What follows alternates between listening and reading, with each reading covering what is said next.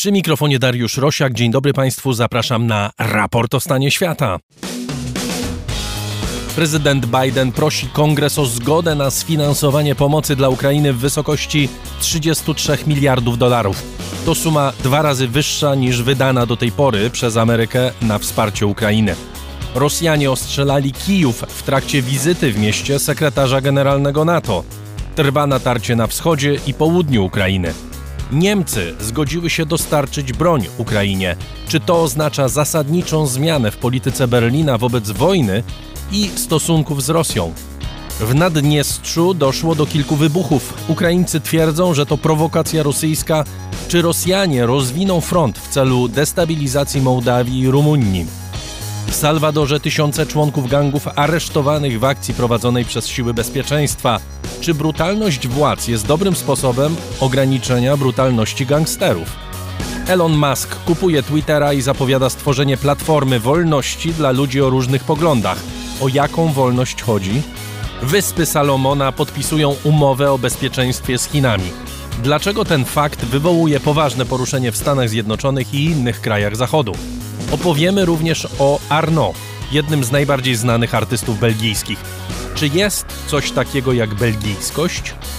O tym wszystkim w raporcie o stanie świata 30 kwietnia 2022 roku. Raport o stanie świata to program wspierany przez słuchaczy. Za wszystkie wpłaty z serca Państwu dziękuję, bo to dzięki nim nasz program istnieje i każdy, kto chce, może go słuchać za darmo. Przypominam, że jeśli ktoś chciałby dołączyć do coraz liczniejszego grona patronów raportu, może to zrobić wchodząc na mój profil w serwisie patronite.pl. W ten sposób najłatwiej nas wesprzeć. Adrian Bąk jest wydawcą, Chris Wawrzak program realizuje. Jesteśmy w studio Efektura w Warszawie.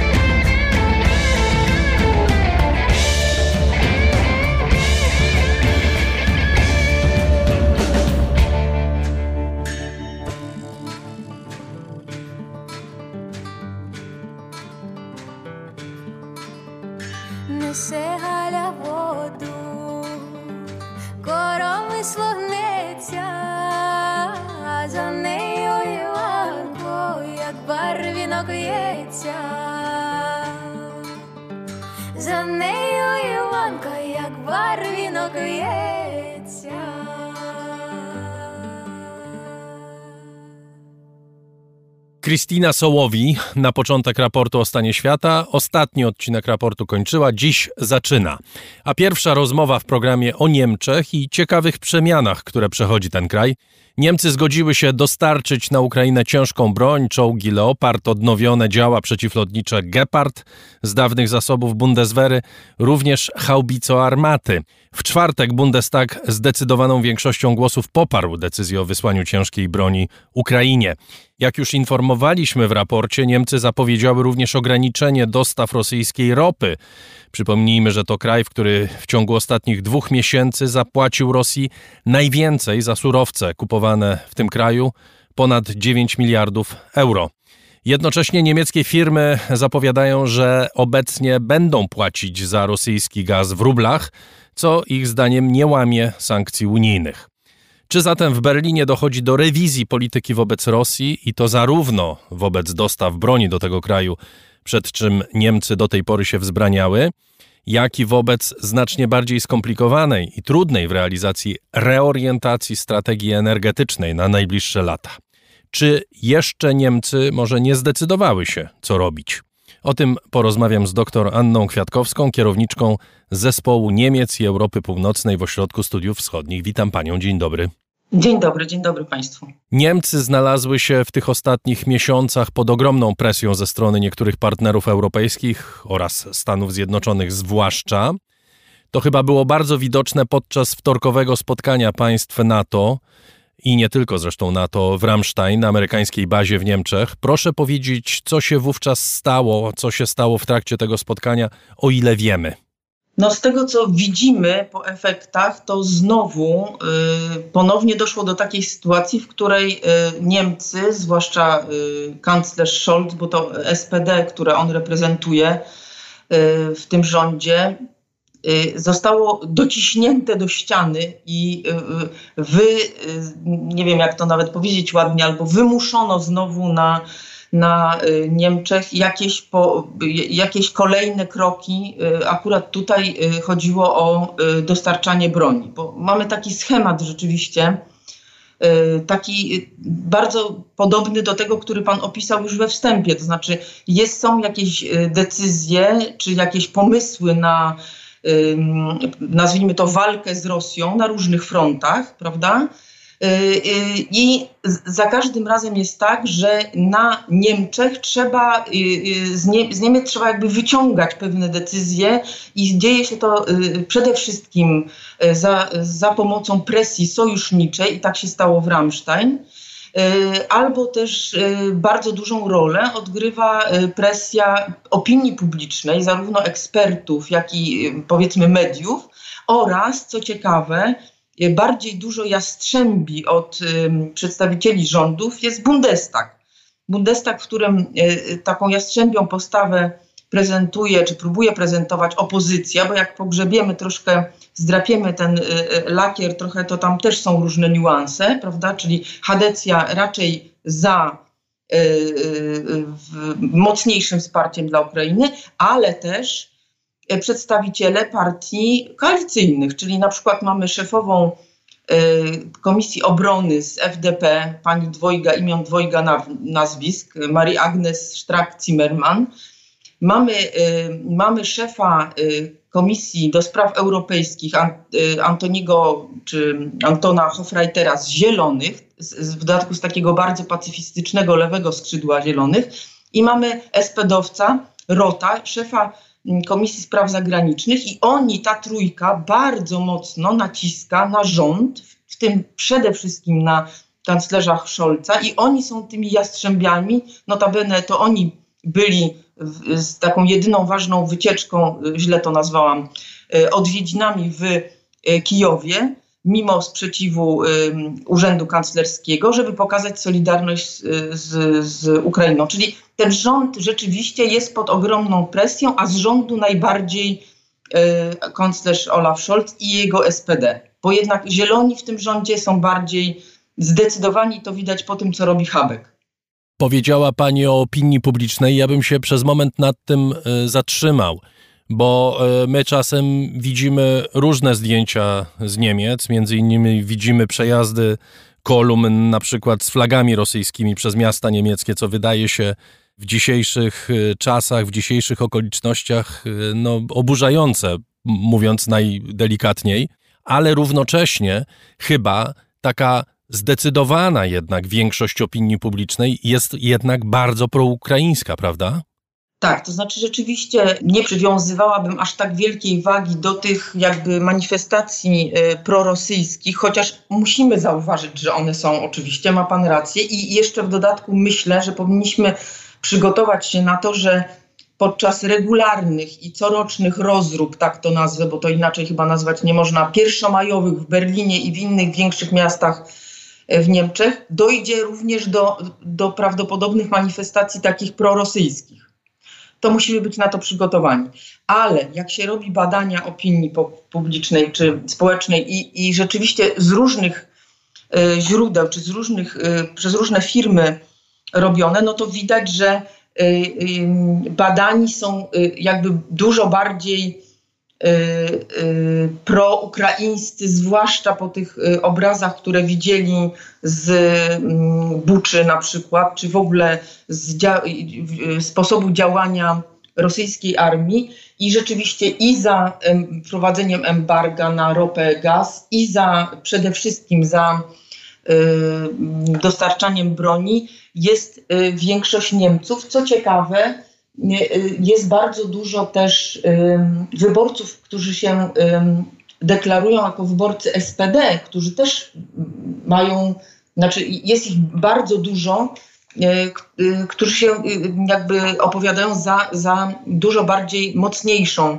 polityką wobec Rosji. To raczej bardziej wstrzemięźliwi są, no oczywiście wykluczam tutaj wyborców AfD i Die Linke, bo oni są absolutnie przeciwko takiemu, takiej polityce wobec Rosji i wobec Ukrainy, to znaczy chcieliby E, mm, absolutnie nie dostarczać broni i, i w ogóle jakoś nie, nie za bardzo wspierać Ukrainy, a bardzo są za wznowieniem dialogu z Rosją i, i oferowaniem jej czegokolwiek, żeby tylko przestała prowadzić tę wojnę. Natomiast bardziej wstrzemięźliwi w takim poparciu niż wyborcy Zielonych i SPD są na przykład wyborcy Hadeków czy liberałów, ale ogólnie ogromna większość jest za zaostrzeniem polityki wobec Rosji. Pani doktor, na czym tak naprawdę polega dylemat Niemców? Czy to jest wyłącznie kwestia porzucenia polityki niezaangażowania, czy chodzi może o coś więcej, o reorientację w ogóle polityki niemieckiej prowadzonej przez to państwo nie wiem, od 20 lat, polityki zwłaszcza wobec Stanów Zjednoczonych, polityki wobec NATO, polityki wobec własnej roli w szeroko pojętym Zachodzie, to znaczy nie tylko w Europie, ale również w świecie, w którym istotną rolę odgrywają Stany Zjednoczone. Jakby pani miała zdefiniować to, co się w tej chwili dzieje w Niemczech i taki generalny, fundamentalny temat tej debaty? Znaczy rzeczywiście to jest, to jest debata fundamentalna, to znaczy i te zmiany, które zachodzą są fundamentalne, to znaczy y, y, mimo, że część polityków sobie z tego nie zdaje sprawy, albo inaczej powiedziałabym, zdaje sobie sprawę, tylko chcą to przykryć takimi retorycznymi wybiegami. Bo jak sięgniemy do tego 27 lutego, który już wtedy był jakby zapowiedzią nowej ery, w polityce y, zagranicznej, ale też wewnętrznej Niemiec, którą to zapowiedział Olaf Scholz, prawda? Bo, bo my mieliśmy pretensje do Niemiec, cały czas one jakoś takie były kunktatorskie, od początku postawienia y, żądań przez Rosję, a nawet wcześniej. Jeszcze Scholz mówił, że podstawą jest dialog, wysyłał swoich y, ludzi ze swojego otoczenia, z gabinetu do rozmów z Putinem. Jeszcze cały czas próbował mówić, że Nord Stream 2 to jest projekt euro, gospodarczy no ale jednak w momencie wybuchu wojny czy inwazji rosyjskiej, trzy dni potem wygłosił to, e, e, mieliśmy nadzieję, wiekopomne przemówienie.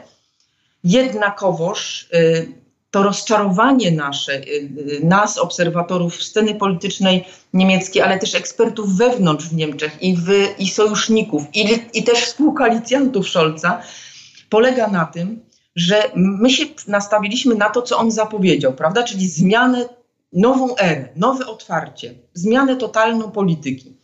A tak naprawdę, jak zobaczymy, co tam było zapowiedziane, to to jest wszystko, yy, jakby się wyrazić jakoś tak, yy, no może chodzi o wyprowadzanie kozy tak naprawdę ze słynnego szmoncesu. To znaczy, tam były popełnione takie błędy przez dziesięciolecia w polityce Niemiec wobec Rosji, że wszystko to, co on opisywał jako nowe otwarcie, to było jakby naprawianie tej, tej ślepoty strategicznej y, niemieckiej. To znaczy i rezygnacja z Nord Streamu, i y, w końcu y, inwestycje w Bundeswehr.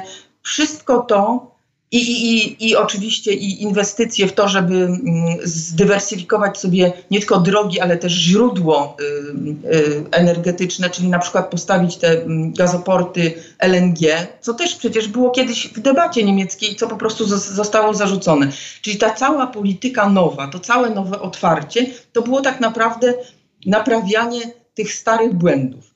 I teraz jesteśmy w podobnej sytuacji y, po tym po tym Rammstein i po tym wczorajszym wniosku Bundestagu, że znowu mamy takie odetchnięcie ulgi, prawda, że, że jednak, no jednak się coś dzieje, jednak będą jakieś zmiany, ale znowu dopiero po szczegółach pracy zobaczymy, jak bardzo to będzie nie retoryczne, ale praktyczne, jak będzie to realizowane, bo mamy takie wrażenie, o którym pan redaktor chyba mówi właśnie, że, y, że Scholz jednak cały czas y, nie ma takiego podejścia jak y, duża część ekspertów i też sojusznicy na czele z, z, ze Stanami Zjednoczonymi, że, nie, że Rosja po prostu musi przegrać tę wojnę.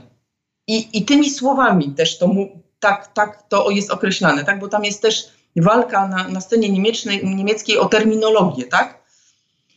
Oni się boją, czy nie chcą powiedzieć tego, tego jak, tak jak ja to powiedziałam. Rosja musi przegrać a Ukraina musi wygrać. Bo to ma oczywiście mnóstwo konsekwencji dla Scholza. Dlatego on tak właśnie kluczy. On by chciał, żeby były te rozmowy cały czas prowadzone. On by chciał, żeby, żeby właśnie no, niekoniecznie dostarczać tą ciężką broń, bo to jakby blokuje jego pozycję jako przyszłego ewentualnego negocjatora no bo przecież Rosji się nie da wymazać z karty, mówią Niemcy, z, z mapy, tak? Rosja w końcu będzie trzeba z nią jakoś rozmawiać i, i, i jakiś pokój zawrzeć. Tymczasem Amerykanie mówią, da się. To znaczy tę Rosję da się, mało tego, że da się, to należy ją wymazać z krajobrazu politycznego w takim sensie, w jakim ona istnieje w tej chwili. Bo jeżeli Amerykanie poświęcają tak ogromne ilości pieniędzy na to, żeby tę wojnę prowadzić, to znaczy, że są zdeterminowani do tego, żeby ją wygrać. Tutaj zadam pani pytanie, bo być może tutaj jest pies pogrzebany, tu jest klucz do całej historii. Niemcy y, wraz z Francuzami próbowali budować Europę w oparciu o współpracę z Rosją przez ostatnie 20 lat. Być może Niemcy, Francuzi pewnie też to zrobią, ale oni po prostu muszą przyjąć do wiadomości, że ten projekt, to przedsięwzięcie było błędem, które doprowadziło do nieszczęść dla Europy i że jedynym sposobem odbudowania sytuacji w tej chwili jest przyjęcie postawy proatlantyckiej, to znaczy przyjęcie do wiadomości, że Amerykanie są obecni w Europie i Amerykanie mogą uratować Zachód, a nie inicjatywa budowania europejskiej armii.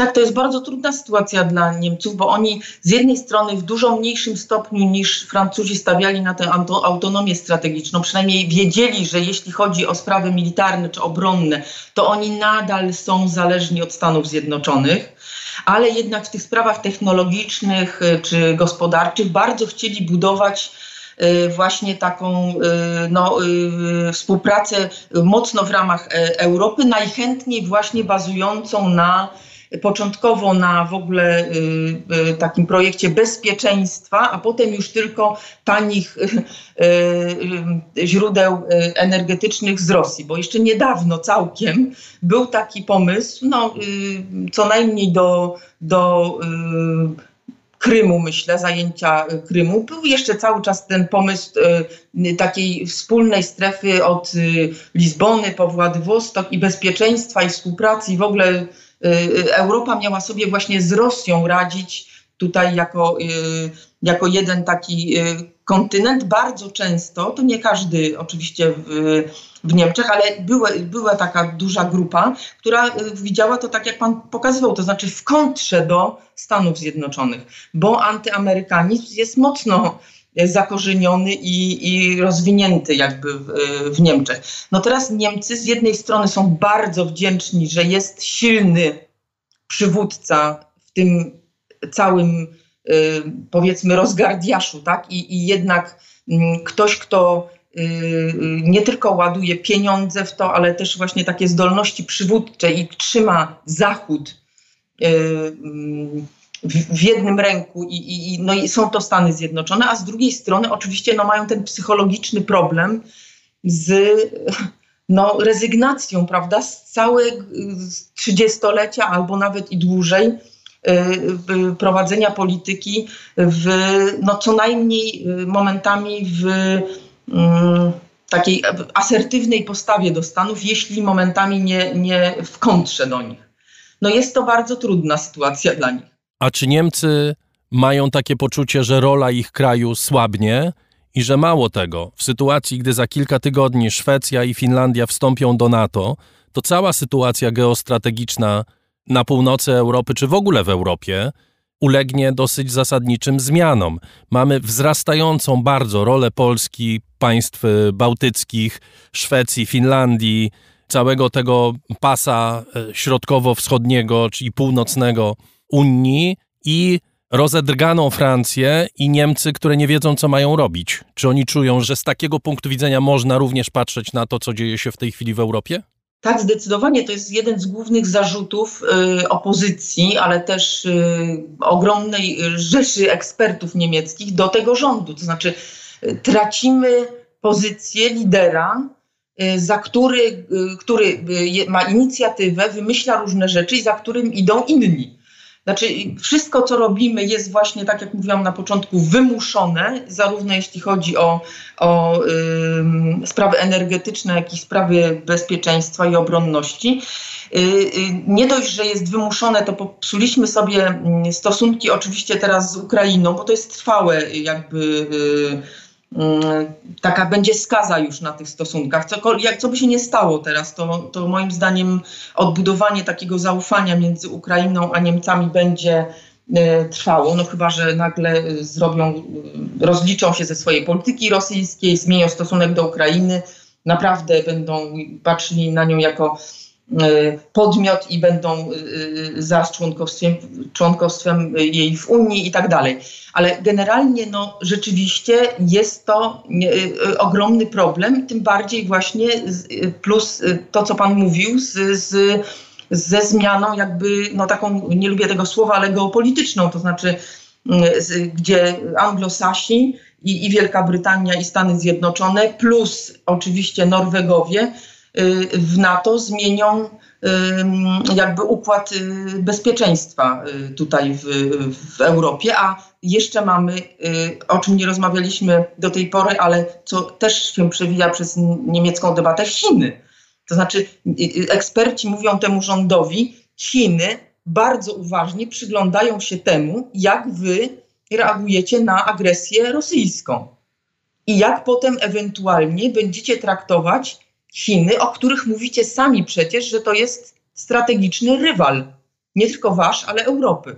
Więc również Stany Zjednoczone i również nasi, wasi partnerzy, na przykład w Europie Środkowej, mówią eksperci niemieccy, patrzą na waszą reakcję. A jeszcze wracając do sprawy NATO i ewentualnego członkostwa Finlandii i Szwecji, o tym też się w Niemczech mówi i to też jest jakimś impulsem do tego, żeby te dylematy jednak rozwiązywać i to w miarę szybko? Tak, to znaczy jest ogromna część elity politycznej, która się cieszy z tego, bo to jest no, więcej członków NATO i to takich nie, znaczy no takich, którzy, którym się nie trzeba będzie opiekować, który, tylko którzy wnoszą ogromną wartość dodaną do tego sojuszu, ale część oczywiście jest taka, również w SPD, która już nie mówiąc o AfD czy Die która mówi przecież to jest czysta, żywa prowokacja. Prowokujecie Putina, czyli wpisuje się to ich zdaniem w to, co oni cały czas podnoszą, że, yy, yy, że tak naprawdę tej wojny by nie było yy, i dlatego oponują przeciwko embargu na y, ropę i gaz i przeciwko y, dostarczaniu broni, bo uważają, że to są wszystko kroki, które prowokują Putina i strasznie się martwią o jego percepcję Putina tejże rozgrywki, tak? Mniej dużo niż o percepcję, nie wiem, sojuszników, y, samych Ukraińców y, czy niemieckie społeczeństwo. No tak, to jest ten słynny argument, który mówił o tym, że jakbyśmy nie denerwowali Putina, to on by był takim samym liderem jak każdy inny państwa demokratycznego, jakim jest Rosja. Dokładnie. Tak, no Niemcy się już z tego śmieją, nawet, y, nawet y, społeczeństwo oczywiście z, takich argumenta- z takiej argumentacji, ale ona nie zanikła. Część o, i wyborców, i elity politycznej właśnie w ten,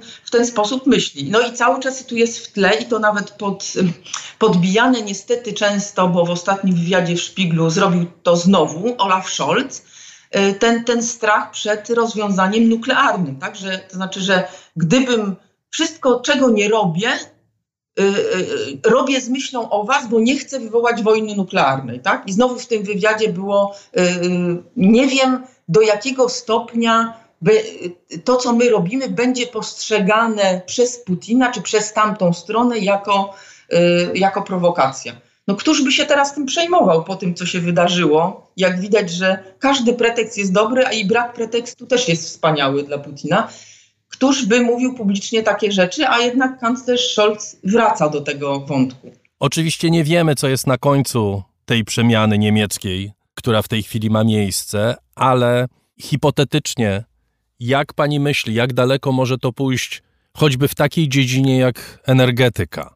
To znaczy, czy możliwa jest zasadnicza zmiana, na przykład polegająca na tym, że do końca roku Niemcy zweryfikują swoje pomysły na zamknięcie elektrowni nuklearnych? W to nie wierzę, ale jeśli właśnie chodzi o energetykę, to tutaj upatruję największą szansę na taką głęboką zmianę, a to dlatego, że na czele resortu, który jest za to odpowiedzialny, stoi Robert Habeck nie tylko ja uważam, że on wykonuje doskonałą robotę jak na razie, ale również y, no, notowania jego w badaniach opinii społecznej są bardzo wysokie, najwyższe chyba oprócz właśnie Annaleny Berbok. Znaczy ludzie uważają, że oni są najbardziej pracowici, też spójni w swoim przekazie i też skuteczni.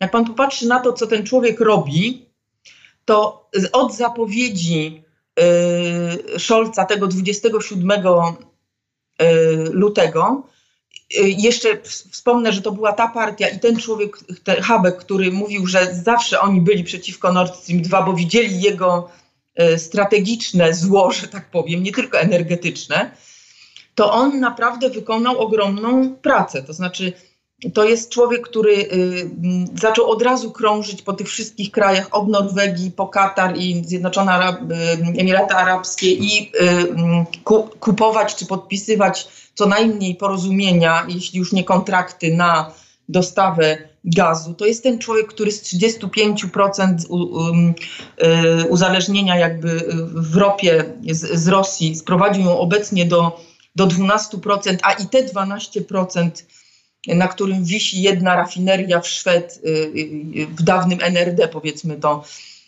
brzydko, razem z Polakami już się dogaduje, jak i te 12% zniwelować, żeby tutaj nie, nie być zależnym od Rosji.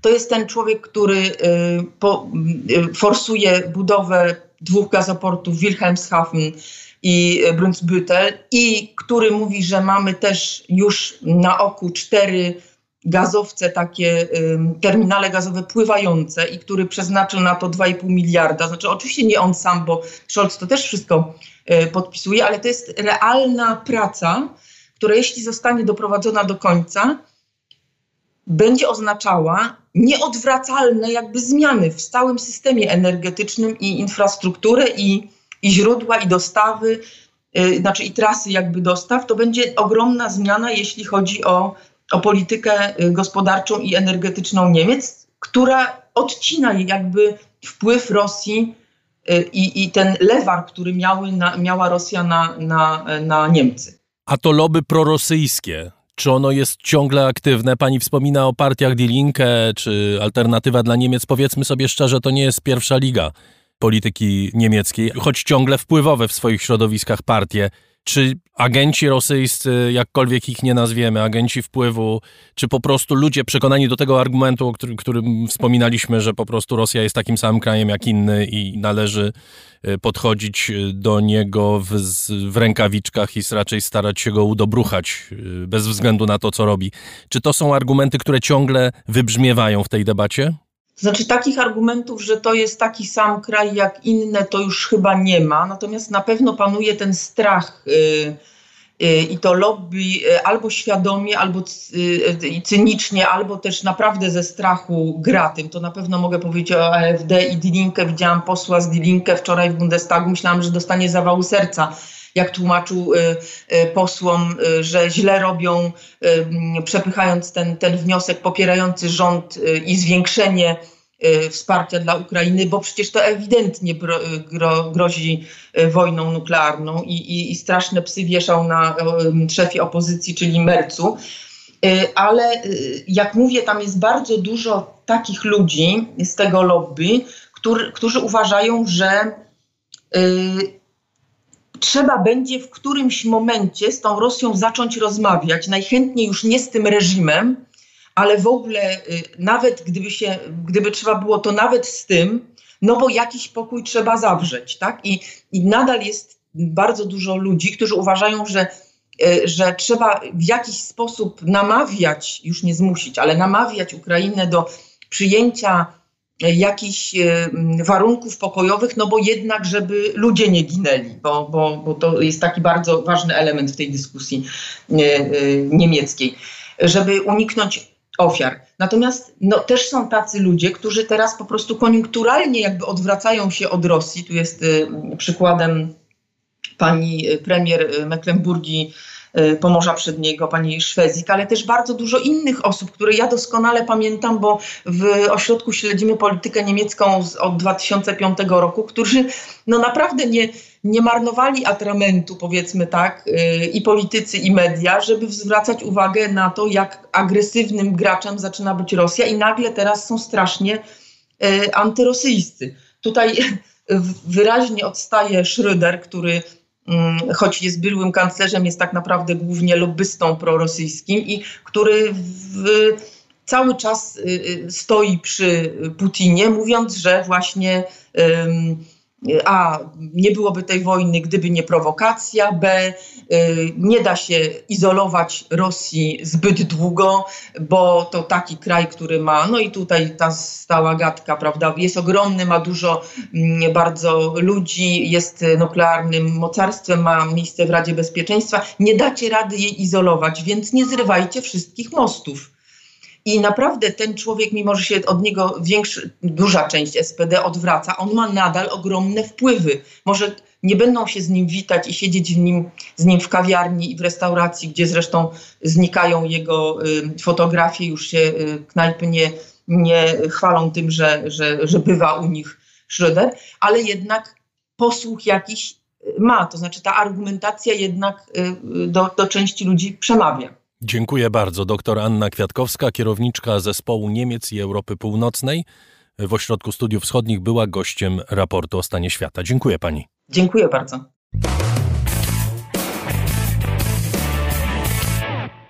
W Naddniestrzu doszło na początku tygodnia do tajemniczych wybuchów, ostrzałów budynków, m.in. budynku tamtejszego MSW. Do ataków miało dojść z terytorium Ukrainy. Władze wprowadziły podwyższony, czerwony stopień zagrożenia terrorystycznego. Pytania kto i dlaczego dokonuje tych ataków za chwilę zadam mojemu gościowi, a jest nim Kamil Całus, analityk OSW, autor książki Mołdawia Państwo Niekonieczne. Witam pana, dzień dobry. Dzień dobry, bardzo mi miło. Proszę najpierw wyjaśnić słuchaczom, co to jest Naddniestrze. Naddniestrze to y, nieuznawane państwo, para państwo, separatystyczna republika leżąca we wschodniej Mołdawii, de jure należąca czy będąca y, częścią tego kraju, a de facto od y, początku lat 90., właściwie od momentu ogłoszenia przez Mołdawię niepodległości, jest to rejon, region niezależny, niezależny dzięki wsparciu rosyjskiemu i mówimy tutaj o wsparciu bardzo szerokim, bo chodzi zarówno o kwestie gospodarcze, jak i o kwestie polityczne oraz oczywiście kwestie wojskowe. Tu należy wspomnieć, że Naddniestrze tą de facto niepodległość obroniło przy pomocy rosyjskich wojsk w roku 1992, kiedy to um, walczyło z siłami mołdawskimi próbującymi przywrócić konstytucyjny porządek, jak to się umówi w Kiszyniowie, czyli po prostu no, zapanować nad terytorium należącym e, formalnie do Republiki Mołdawii. Ilu rosyjskich żołnierzy tam w tej chwili przebywa? Może dodajmy od razu, że wojska rosyjskie znajdują się tam od tego, one się właściwie znajdują tam od samego początku, tam była poważna baza e, w czasach jeszcze sowieckich, ale te wojska, z którymi mamy do czynienia dzisiaj, są tam umocowane od końca wspomnianej wojny 92 roku i z perspektywy Moskwy są to wojska pokojowe, miratwariczewskie, jak to się mówi po, po, po rosyjsku. E, ich liczba generalnie na przestrzeni ostatnich 30 lat topniała. W tej chwili mówi się o około 1500-1600 osób, obsady tych, tych, tych, tych, sił. Realnie mm, jest to prawdopodobnie około 800, może około 1000 gotowych do walki żołnierzy, bo musimy patrzeć, tam są przecież mechanicy, tak, obsługa tego całego parku sprzętowego, który się tam znajduje. Oni, dodajmy też, bo to ważne, nie dysponują żadnymi, żadnym jakimś poważnym, ciężkim sprzętem. To nie są oddziały pancerne, oni nie mają właściwie lotnictwa. E, to są zmechanizowane czy zmotoryzowane oddziały, które są bardzo mobilne, ale nie e, posiadają ciężkiego sprzętu. Dlaczego my w ogóle rozmawiamy o Naddniestrzu? To znaczy, dlaczego ten pasek ziemi, 450 kilometrów y, granicy z Ukrainą, dlaczego ten pasek ziemi jest w ogóle ważny, istotny y, dla Rosjan i po co oni tam są? No jakby abstrahując od takiej nieco może y, frywolnej opinii, ale jednak być może też prawdziwej, że Rosjanie jakby mogli, to byliby gdziekolwiek więc pewnie to samo może wyjaśnić, dlaczego są w Naddniestrzu. Ale dlaczego z ich punktu widzenia to jest istotny kawałek ziemi? Naddniestrze, rzeczywiście, gdyby Rosjanie mogli, pewnie byliby w, w, wielu innych miejscach też. Natomiast Naddniestrze jest taką, ujmijmy to obrazowo, stopą włożoną w drzwi e, mołdawskiej państwowości, młodej mołdawskiej państwowości przede wszystkim. Tak? To kluczowe z punktu widzenia rosyjskiego od początku było wykorzystywanie Mołdawii jako instrumentu wpływania na Mołdawię. No w prosty sposób. Jeżeli na terenie Mołdawii mamy taki twór jak, jak Naddniestrze, na którym stacjonują e, trochę prawem kaduka mimo wszystko wojska rosyjskie, no to wiadomo, że polityka zagraniczna tego państwa, czy pewne ambicje związane z polityką zagraniczną takiego państwa będą ograniczone. No bo de facto mamy tam obce siły, tak? Mamy jakąś niestabilną sytuację bezpieczeństwa, mamy nie do końca pewne, w ogóle nie mamy kontroli tak naprawdę nad znaczną częścią granic, bo bardzo długo wyglądało to w ten sposób, że Mołdawia nie była w stanie w ogóle kontrolować swojej wschodniej granicy z Ukrainą na odcinku naddniestrzańskim, bo tam po prostu siedzieli tak zwani e, pogranicznicy e, naddniestrzańscy. Co jeszcze ważniejsze, Rosja w takiej dłuższej perspektywie postrzegała Naddniestrze jako instrument, który ostatecznie pozwoli sobie podporządkować politycznie Mołdawię. E, chodziło o, to było najlepiej wyrażone na początku lat 2000 w tak zwanym planie Kozaka, e, który sformułował pan Dmitrij Kozak, no, do tej pory bardzo aktywny i znany polityk rosyjski. Plan ten zakładał włączenie jak najbardziej na powrót Naddniestrza skład Mołdawii, ale w ramach federacji, federacji, w której Naddniestrze jako podmiot miało wpływ na decyzje dotyczące np. polityki zagranicznej. Łatwo sobie wyobrazić, że takie Naddniestrze będące częścią, takie prorosyjskie, to jest bardzo ważne, prorosyjskie, zinfiltrowane przez służby rosyjskie, Naddniestrze będące formalnie oficjalną częścią państwa mołdawskiego z możliwością wpływania na politykę tego kraju, no blokowałoby nie wiem, integrację europejską, na pewno blokowałoby jakiekolwiek ambicje związane z integracją do NATO, jeżeli Mołdawia w ogóle takie, takie by przejawiała, bo oficjalnie Mołdawia jest państwem neutralnym i tak dalej, i tak dalej. No byłoby świetną wtyczką pozwalającą kontrolować Mołdawię. Teraz też w jakimś stopniu pozwala, ale raczej właśnie jako ta wspomniana stopa w drzwiach, blokująca pewne rzeczy. Natomiast Rosjanie marzyli przez lata o tym, żeby Naddniestrze stało się legalną częścią Mołdawii z dużym wpływem na e, politykę tego kraju. Tego się nie udało osiągnąć w dużej mierze dlatego, że władze mołdawskie doskonale wiedzą, o co chodzi Rosjanom i doskonale e, zdają sobie sprawę z tego, że to by oznaczało tak naprawdę utratę suwerenności tego kraju. Myślę, że może o jednej dosyć ważnej rzeczy zapomnieliśmy. Ja zapomniałem pana spytać, kto mieszka w Naddniestrzu? Czy to są zwolennicy połączenia z Rosją? Czy to są zwolennicy, y, nie wiem, ustanowienia niezależnej republiki i rzeczywiście uznania tego faktu przez inne państwa? No może zaczniemy od takich rzeczy prostych, czyli od danych statystycznych, bo to wiemy na pewno. Naddniestrze jest zamieszkane przez e, realnie około 300 tysięcy ludzi. Formalnie mówi się o ponad 400, ale tak naprawdę to jest 300 lub nawet mniej. I pod względem etnicznym ta grupa się dzieli mniej więcej porówno na Mołdawian, Rosjan oraz Ukraińców. Nie należy się za bardzo przejmować pochodzeniem tych osób, bo to nie jest tak, że nie wiem, ukraińska populacja Naddniestrza jest bardziej proukraińska, mołdawska jest bardziej promołdawska. Nie, to są wszyscy ludzie, którzy, wszyscy, no zdecydowana większość tych ludzi ma taką tożsamość hmm, trochę postsowiecką, trochę, e, nazwalibyśmy to może teraz współcześnie bardziej przynależącą do Ruska Wamira, tak? Oni się uważają częścią przestrzeni rosyjskiej, przestrzeni kulturowej, przestrzeni geopolitycznej e, rosyjskiej.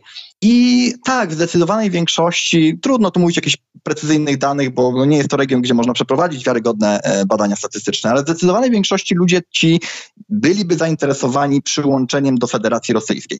Niekoniecznie niepodległością. Znaczy, jeżeli zapytamy, to pewnie powiedzą, że niepodległość, tak, oczywiście, no chcielibyśmy niepodległość, ale ta niepodległość z ich perspektywy tak naprawdę miałaby być jakimś krokiem, trochę jak w przypadku Krymu, tak, chociażby, krokiem do przyłączenia się potem do Federacji Rosyjskiej. Naddniestrzanie, czy mieszkańcy Naddniestrza zdają sobie sprawę z tego, że ten region samodzielnie no, nie będzie w stanie funkcjonować.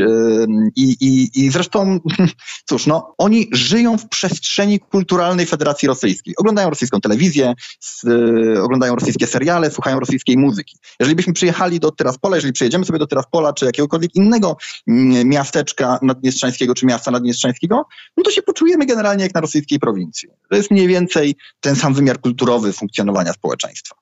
I teraz przejdźmy do wydarzeń tego tygodnia. Właściwie we wtorek to się zaczęło. Ostrzał budynków w stolicy Naddniestrza i jakichś masztów również antenowych. Komu mogłoby y, na tym zależeć? Jeśli, jak sugerują Ukraińcy, zrobili to Rosjanie, to dlaczego to zrobili? Tak, znaczy doszło w ogóle do serii wydarzeń. Tak może tylko szybko podsumujmy, że zaczęło się od ostrzelania y, Ministerstwa Bezpieczeństwa, właściwie nie MSW, y, które, które znajduje się w Tyraspolu. Nikt nie zginął, właściwie no, doszło do zniszczenia tam pomieszczenia biurowego, ale, ale nikt nie poniósł żadnych, y, żadnych ran, ani nikt nie zginął. Potem doszło, czy miało dojść do ataku na bazę, jednostkę wojskową w miejscowości Parkany, a później następnego dnia rano doszło właśnie do wysadzenia czy do eksplozji na terenie takiej stacji radiowej, mm, potężnej stacji jeszcze postsowieckiej radiowej Majak, gdzie zniszczeniu uległy dwa duże maszty e, radiowe. Potem jeszcze pojawiły się doniesienia na temat wybuchu na lotnisku w Tyraspolu i mnóstwo, mnóstwo innych doniesień, przy czym tylko te cztery pierwsze, o których mówiłem, zostały w tym czy innym stopniu potwier potwierdzone. I teraz rzeczywiście pojawia się pytanie, komu mogło na tym zależeć. E, od wojny 92 e, roku tak naprawdę w Naddniestrzu nic takiego się nie działo. To był do tej pory jeden z, i dalej nawet jest, najspokojniejszych zamrożonych konfliktów. Tam nie dochodziło do jakichś poważniejszych incydentów, nigdy nie było też jakiejś szczególnej niechęci czy nienawiści. I teraz tak, zależy kogo zapytamy. Jeżeli zapytamy stronę naddniestrzańską, e, to tutaj już największych wątpliwości nie ma tak zwany prezydent Naddniestrza, Wadim Krasnosielski, wystąpił bodajże we wtorek z takim apelem do, do społeczeństwa, gdzie od razu w pierwszym zdaniu właściwie powiedział, że ślady wiodą niestety na Ukrainę. Tu ważna rzecz, on nie powiedział, że winny jest Kijów, czy że winne są władze ukraińskie, no ale że sprawcy tego wydarzenia przybyli z terytorium Ukrainy. Tak? Nawet zwrócił się do strony ukraińskiej, żeby ta pomogła w śledztwie dalszym. E, oczywiście winę Ukraińców domniemaną podchwyciły też media rosyjskie. Wystarczy włączyć sobie audycję Sołowiowa czy dowolnego innego rosyjskiego propagandzisty lub poczytać media, żeby zobaczyć, że to jest oczywiste z punktu widzenia mediów rosyjskich, że dokonali tego Ukraińcy. Ukraińcy oczywiście piłeczkę odbijają. Mówią, że e, to wszystko, że to nie oni po pierwsze, a po drugie, że jest to spisek czy, czy prowokacja przygotowana przez rosyjskie służby, FSB wraz prawdopodobnie oczywiście w kooperacji z naddniestrzańskimi służbami, lokalnymi władzami. A na to wszystko jeszcze przychodzi, przychodzi też Mołdawia, czyli władza oficjalna Mołdawia, Kiszyniów, która ustami prezydent Majsandu mówi, że e, no to, co się stało, e, jest prawdopodobnie wynikiem pewnych działań, pewnych grup prowojennych wewnątrz samego Naddniestrza. Czyli tutaj jakby Mołdawia bardziej wskazuje na, na samo Naddniestrze jako na, na tą stronę winną.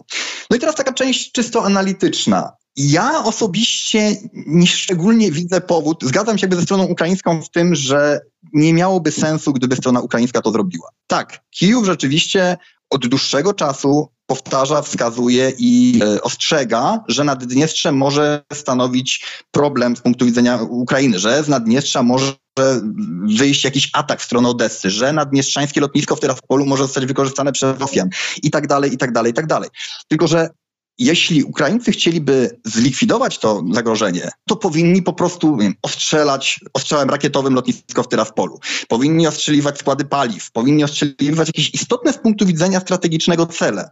Tymczasem to, co widzieliśmy, to były jakieś zupełnie symboliczne działania, które ani nie przyniosły zniszczeń, ani no, nie zabiły też, nie, znaczy nie doszło do śmierci żadnego z żołnierzy rosyjskich na przykład, na, czy w ogóle nikogo y, na terytorium Naddniestrza. Więc to miało wymiar symboliczny, który tylko i wyłącznie zbudował napięcie, który tylko i wyłącznie podkręcił atmosferę i doprowadził do sytuacji, w której Ukraina musi się jeszcze bardziej przejmować sytuacją na swojej zachodniej granicy, kiedy przecież skupia się przede wszystkim na walkach na wschodzie. Więc z punktu widzenia Ukrainy mam wrażenie, że to nie ma żadnego sensu. Jedyny z tych aktów dywersji, jeżeli je tak nazwiemy, które w ogóle można by próbować przypisać Ukrainie, z punktu widzenia racjonalnego, to jest wysadzenie tych wież radiowych, o których mówiłem, bo one nadawały e, rosyjskie stacje radiowe, które swoim zasięgiem obejmowały też zachodnią Ukrainę i, i, i między innymi Mołdawię. Tylko znów, propaganda rosyjska świetnie roz, roznosi się są środków cyfrowych, grup na Telegramie, grup na Facebooku, innych tego typu źródeł. Nie wiem, czy radio jest jakimś kluczowym e, środkiem docierania do, do, do odbiorców i przekonywania ich do rosyjskiej opinii. Na tyle ważnym, żeby Ukraińcy mieli ryzykować tego typu, tego typu akcje. Więc ja tutaj logiki w tej stronie ukraińskiej nie widzę. Natomiast Rosja e, na tym, co się stało, korzysta na bardzo wielu poziomach. Po pierwsze, taki, na takim zupełnie metapoziomie to jest kolejny dowód na to, z perspektywy Rosji i rosyjskiej propagandy, że ludność rosyjska poza granicami Federacji Rosyjskiej na obszarze państw poradzieckich jest zagrożona. No, mamy rusofobię, tak, e, w różnych państwach. Oczywiście Ukraina to jest państwo nazistowskie, tam to już w ogóle się prześladuje rosyjskojęzycznych, ale też w Mołdawii, jak widać, w Naddniestrzu są jakieś wybuchy, atakuje się ludzi. Tutaj musimy też dodać jeszcze jedną rzecz, która nie pada często w mediach, że przez ostatnich kilka tygodni do różnych instytucji publicznych czy też placówek handlowych na terenie Naddniestrza docierały pogróżki dotyczące e, podłożenia bomb. Znaczy, wysyłano SMS-y, e-maile z takim ostrzeżeniem, że na przykład pod przychodnie czy pod szkołę podłożono bombę z podpisem mołdawscy nacjonaliści. Najczęściej to było podpisane. Mołdawcy nacjonaliści, sława Mołdawii, z takim, z takim wezwaniem do wycofania się wojsk rosyjskich. Więc jakby ten wątek atakowania ludności rosyjskojęzycznej jest oczywisty tutaj. No i on pozwala Rosji to, to argumentować, czy, czy udowadniać rację swoją swoich działań. Druga rzecz, już taka bardziej bezpośrednia i współczesna, to jest kwestia niedawnych deklaracji strony rosyjskiej z różnych stron płynących, dotycząca chęci przebicia się do Naddniestrza przez południe Ukrainy. Tak, słyszeliśmy to ze strony dowódców rosyjskich, między innymi, że tym drugim celem, czy celem drugiego etapu tak zwanej operacji specjalnej wojskowej na Ukrainie jest przebicie się Naddniestrza. No i to, co się dzieje teraz w Naddniestrzu jest świetnym argumentem uzasadniającym taką potrzebę. No bo inaczej, znaczy, no oczywiście Rosjanie nie potrzebują jakichś bardzo poważnych pretekstów. Przebicie się w celu pomocy ludności rosyjskojęzycznej, czy przebicie się w celu takim, żeby, ja mówię teraz o argumentacji rosyjskiej, w celu takim, żeby mieć e, lepsze stanowiska do ewentualnie ataku Ukrainy i prowadzenia dalszego ciągu tej operacji okrążania Ukrainy od wschodu i południa i zamykania Ukrainie dostępu do morza? To się na siebie nakłada. To znaczy, z punktu widzenia propagandowego, takiego jakby czysto ideowego, no to to, co się dzieje w Naddniestrzu, pozwala Rosjanom mówić, że nam nawet już nie chodzi o to terytorium, przecież nam, nam w ogóle nie chodzi o terytorium, tak? Nam chodzi tylko o ochronę naszej ludności. No a to, że ta ludność jest w Naddniestrzu i musimy się do niej jakoś dostać, to już jest rzecz jakby wtórna. A oczywiście dzięki temu Rosjanie też uzasadniają przebijanie korytarza do Naddniestrza oznacza de facto odcięcie Ukrainy od Morza Czarnego, co jest w ogóle bardzo ważnym celem z punktu widzenia rosyjskiej operacji. Także to jest kolejna rzecz, prawda? I, jeszcze, i tego jest więcej. Y, Rosja może już to robi, argumentuje, że no skoro Ukraińcy dokonali tych aktów w Naddniestrzu, no to to jest kolejny dowód na to, że to jest jakieś terrorystyczne, nazistowskie państwo, które nie szanuje nikogo i niczego i które niesprowokowane atakuje obiekty publiczne, obiekty cywilne, grozi życiu i zdrowiu ludności w Naddniestrzu. No, znaczy, to wszystko z punktu widzenia propagandowego bardzo dobrze się u Rosjan y, składa. Ale jest jeszcze jeden czynnik, który, który moim zdaniem jest y, też bardzo ważny i to jest, hmm, można by to trochę nazwać chęcią uniknięcia y, czy, czy odrobieniem lekcji białoruskiej na swój sposób. Możemy, oczywiście to nie jest pewne, ale możemy w pewnym sensie zakładać, że Rosjanie w trakcie obecnej wojny mieli problem, no do tej pory właściwie tego nie zrobili, tak, z wciągnięciem na przykład Ukra- Białorusinów do wojny, między innymi dlatego aktywnie, Między innymi dlatego, że no, Białoruś nie ma nastrojów, znaczy, bo Białoruś nie jest zmobilizowana czy zmotywowana, czy białoruscy żołnierze nie są motywowani do tego, żeby walczyć z ukraińskimi.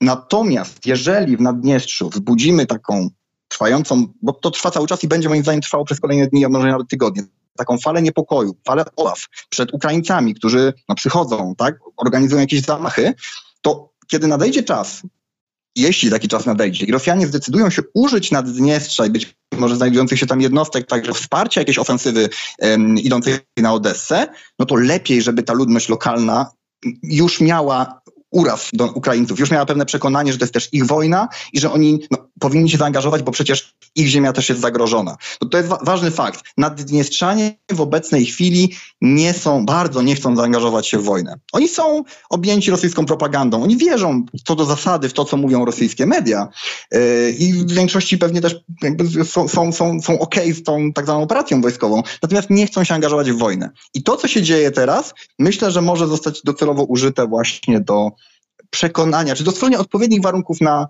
na, na, na, na, w Naddniestrzu, żeby łatwiej było takich żołnierzy później zmobilizować. I jeszcze krótko na koniec, jeśli można. Jak na to wszystko reaguje Mołdawia i Rumunia? Bo ja rozumiem, że to są państwa, które no niedobrze znoszą tego typu pogróżki czy tego typu destabilizację niedaleko swoich granic.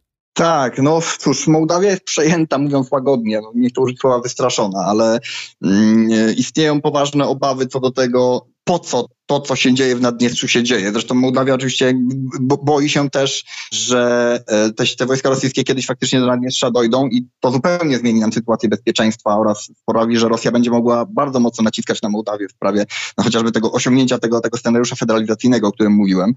Obecnie mm, Mołdawia stara się w ramach OBWE przede wszystkim prowadzić dialog z Naddniestrzem. Znaczy, no, odbyło się niedawno spotkanie w takim właśnie szerszym formacie, e, także ze stroną naddniestrzańską, po to, żeby zrozumieć i zobaczyć, co tam tak naprawdę się dzieje. No, ten kontakt, wymiana informacji jest bardzo ważna, nawet jeżeli wyjdziemy z założenia, że ten region jest zinfiltrowany głęboko przez Rosjan i właściwie wykonuje rosyjskie polecenia, no to dobrze mieć przynajmniej jakieś pojęcie co do tego, co tam, co tam się dzieje i, i, i jak to wygląda. No i, i tyle właściwie, bo Mołdawia, Mołdawia ma bardzo ograniczone instrumentarium. Mołdawia właściwie nie ma armii. Znaczy armia mołdawska to około 4 tysięcy żołnierzy. Oni nie są w stanie obronić się przed ewentualną agresją rosyjską. Gdyby, nie daj Boże, chociaż nie mówimy o tym właściwie, no ale gdyby, nie wiem, doszło do jakiegoś konfliktu z Naddniestrzem, też nie byłoby to wcale oczywiste, kto by tutaj miał przewagę, bo to są porównywalne siły zbrojne. Dlatego Mołdawia wzywa przede wszystkim do zachowania spokoju, do niepoddawania się prowokacjom, um, wskazuje właśnie, tak jak wcześniej powiedziała to pani prezydent Sandu, że istnieją pewne grupy, którym ewidentnie zależy na, na, na, na, na rozbujaniu tej łódki i na destabilizacji sytuacji, ale nie powinno to doprowadzić do jakiejś poważniejszej eskalacji. To Kiszyniów powtarza cały czas. Natomiast y, cóż, Rumunia, no Rumunia wtóruje właściwie Kiszyniowowi. Propaganda rosyjska często próbuje w ostatnich dniach powtarzać, że Rumunia niemalże się chce zaangażować w wojnę, że być może wyśle wojska do Mołdawii, że być może wyśle wojska na Ukrainę y, po to, żeby ją wesprzeć. No nie wyślę. To znaczy Rumunia do, dość jednoznacznie stoi na stanowisku, że chociaż Mołdawia jest jej bardzo bliska ze względów językowych, kulturowych, etnicznych, Rumuni nie uznają narodu mołdawskiego za odrębny od rumuńskiego, to cóż, Rumunia jest NATO, nie ma sama takiego potencjału, żeby rzeczywiście zaangażować się w jakiś konflikt e, z Rosją o Mołdawię chociażby.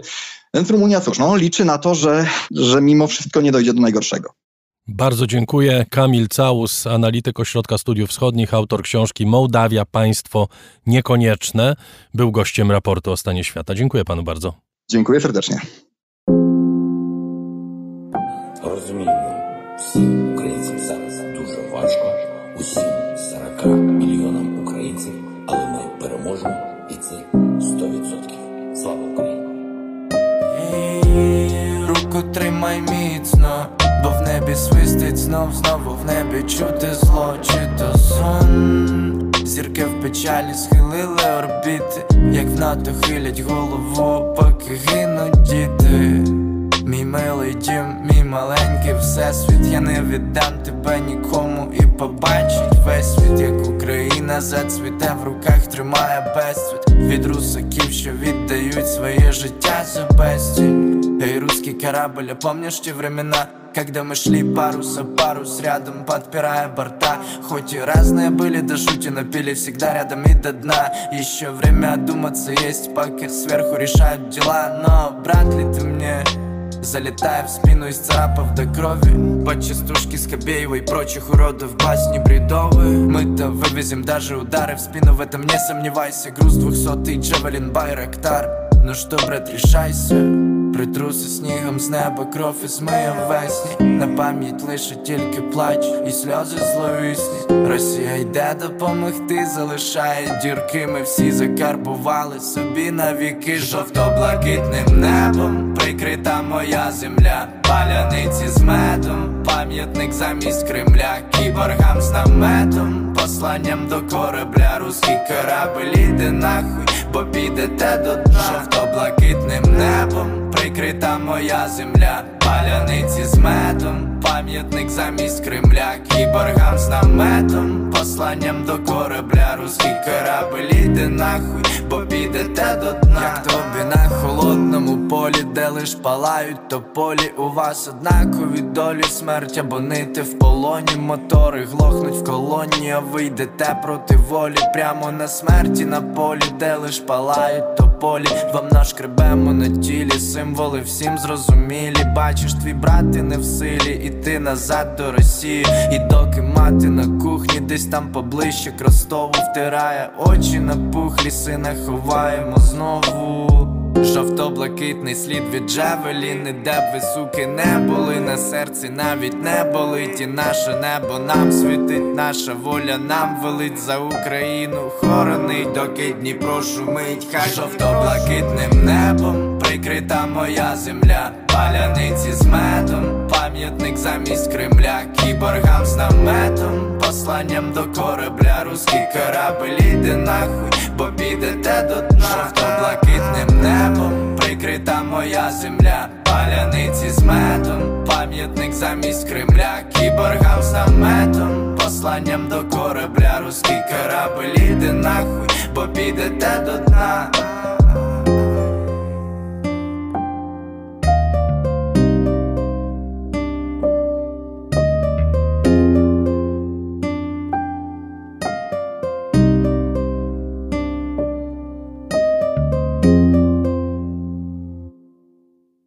Ukraińska burla w raporcie o stanie świata i piosenka pod tytułem Ruski Karabl, czyli rosyjski okręt. Choć chyba nie muszę akurat tego zwrotu tłumaczyć, bo on ostatnio jest dość popularny w oryginale, z dodatkiem.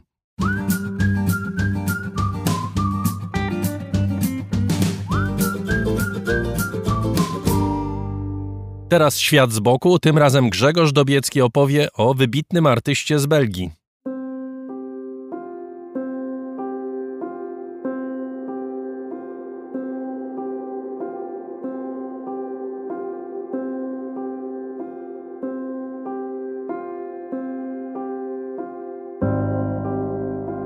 Umarł Arno. Słaby był już od miesięcy, przestał pić. Mówili, przynajmniej wygrał walkę z nałogiem. Akurat to taka walka, że żeby nie przegrać, trzeba skapitulować, byle nie za późno. A rak miał dosyć czekania, w trzustce się zagnieździł. Widać było, jak się bestia pasie, Arno powoli zanikał. Film z ostatniego koncertu, słynna sala Ancienne Belgique w Brukseli. Na scenie staruszek, były facet. Ledwo siedzi, ledwo jest. Wydaje z siebie cichy szmer. To mniej niż wspomnienie firmowej melochrypy, jeszcze niedawno mocnej jak u Toma Waitsa. Ale publiczność rozpoznaje każdą piosenkę, chce następnych i cud się staje. Stopniowo głos odzyskuje siłę. Już wiadomo, co naprawdę znaczy czerwony napis nad sceną, jedno słowo, tytuł albumu, którego już nie wypromuje sam autor. Vivre, żyć. Znowu płyną zwrotki po francusku, flamandzku, angielsku, a wszystkie śpiewane po belgijsku. Że takiego języka nie ma, jak nie ma, jak jest. W nim wyraża się belgijskość, la belgitude. Zresztą narodowe barwy słów nie są najważniejsze. Przez moją głowę nie przebiegają żadne granice, powtarzał artysta. Belgijskość to szczególny stosunek do świata, zwłaszcza do wielkich sąsiadów, kulturowych zaborców. Brać od nich ile wlezie, ale własnego nie oddawać, bośmy za mali. Nie zgadzać się, by zawłaszczali Brela, toż on wyraźnie śpiewał o swoim płaskim kraju, gdzie niskie jest nawet niebo, a za jedyne góry muszą starczyć katedry. O Flandrii śpiewał. Co z tego, że flamandów belgijskość nie porywa? Walońska fanaberia, mówią. Przecież to Arno, Arno Hintiensa, flamanda z Ostendy. Król Filip pasował na pierwszego rycerza belgijskiej sceny. A w królewskim regimencie zacni towarzysze Godefroy de Bouillon, Broiglowie i Rubens, komisarz Maigret z Herkulesem Poirot, Tintin i jego tata Hergé, Magritte, Stromae, w ostateczności Jean-Claude Van Damme, kawalerowie belgijskości. Owszem, koncept belgitude jest sztuczny. Pojawił się jakieś pół wieku temu, był dość dwuznacznym nawiązaniem do pojęcia negritude, murzyńskości, dzisiaj nie do przyjęcia, chociaż stworzył je wybitny Afrykanin, pierwszy prezydent Senegalu Leopold Sédar Senghor. Belgijskość też miałaby podkreślać wspólne cechy różnych ludów żyjących na jednym obszarze. Patriotyczne wzmożenia nie są od nich wymagane, dopuszcza się również swobodny stosunek do historii. Skądinąd wiele jej nie ma. Państwo Belgia nie skończyło jeszcze 200 lat. Pewne mroczne strony lepiej pominąć. Najlepiej więc odwołać się albo do tego, co stare, albo do pradziejów. Chorum omnium fortissimi sunt Belge. Najdzielniejsi z wszystkich są Belgowie, pisał Juliusz Cezar o podbijanych ludach z nadmorza północnego. Według piewców Belgitude dzielność to teraz skromność i uprzejmość w odróżnieniu od niemieckiej buty i francuskiej arogancji. A za oręż, zbroję i chorągiew służą czekolada, piwo i najlepsze na świecie mule z frytkami, danie tożsamościowe. I jeszcze Bruksela, ale nie unijna centrala moloch instytucji i komisji, lecz miasto z duszą. Tak je pojmował Brukselczyk Leopold Unger, pisarz od spraw trudnych. Tak też je pojmuje Brukselka Grażyna Plebanek, pisarka od spraw słusznych. A już arcyspecjałem, wręcz monopolem belgijskości byłby surrealizm. To nie jest fajka, podpisuje słynny obraz Magritte. Pewnie, że nie. To jest malarskie wyobrażenie fajki. Arno wyobraża sobie świat, w którym wolność, miłość i zjednoczoną Europę sławi się tak samo, niepięknie, dosadnym językiem knajpy, za to szczerze, w którym pesymiści są zadowoleni, Bóg jest zakochany, a durnie siedzą cicho. Od baru do baru, od piwa do piwa, od historii do historii słuchamy, jak Arno snuje się po swoim mieście, po swoim świecie. Nie wiemy, czy się z nim wita, czy żegna. Niebo nad Ostendą niższe niż zwykle, więc to pewnie jednak pożegnanie.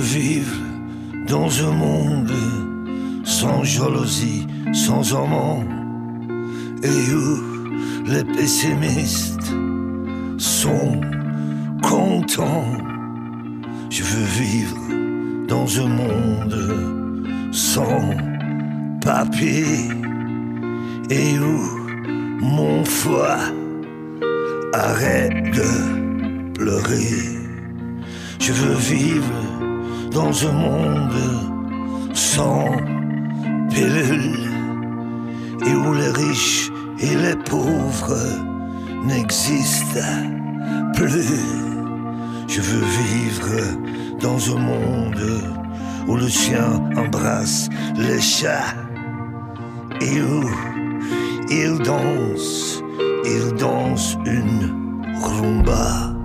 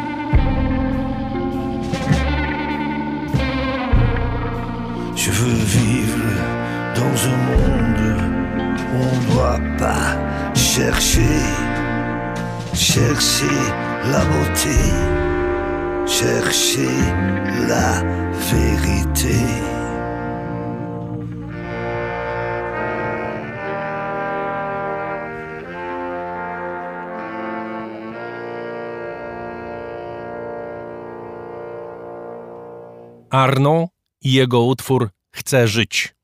Raport żyje dzięki państwu. I za to serdecznie wszystkim dziękuję.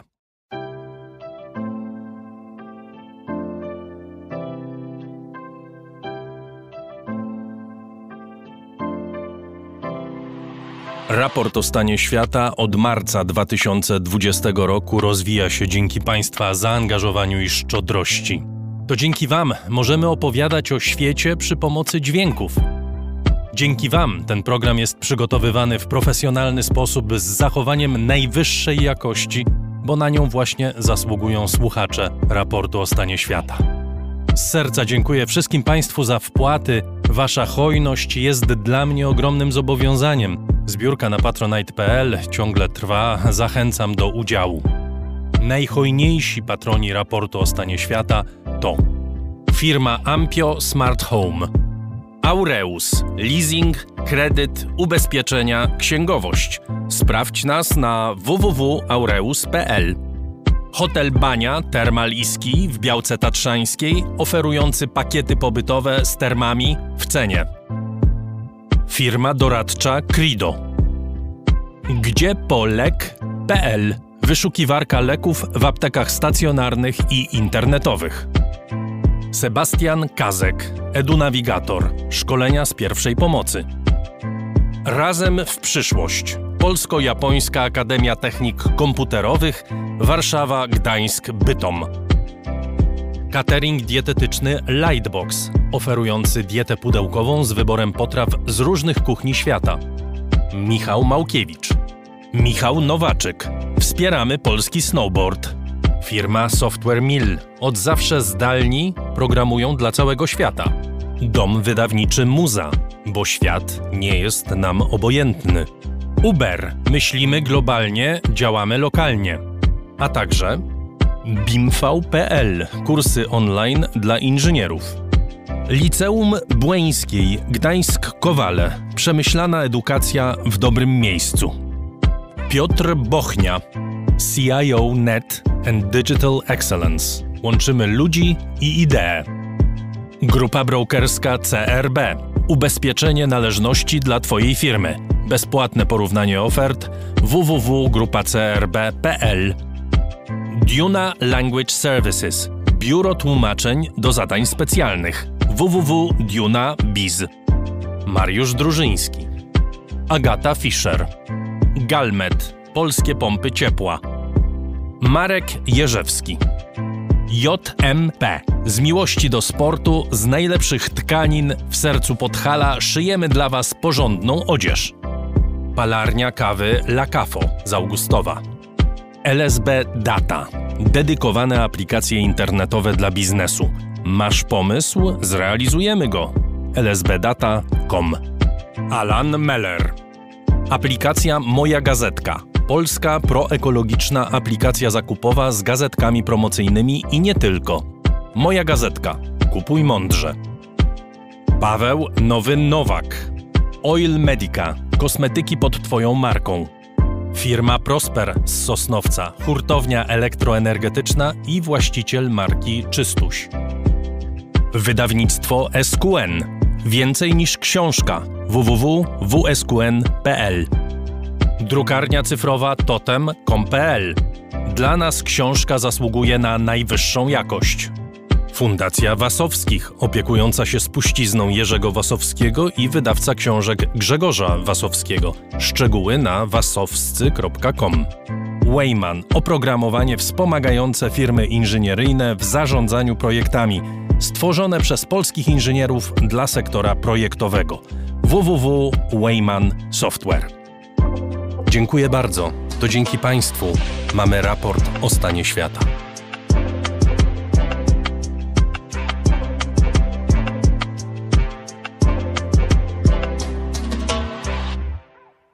Stany Zjednoczone nie wykluczają działań militarnych na Wyspach Salomona, jeśli Chińczycy wybudują tam bazę wojskową.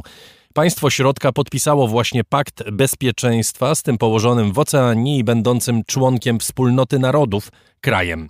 Decyzja ta wywołała poruszenie nie tylko w USA, ale także w Australii i Japonii.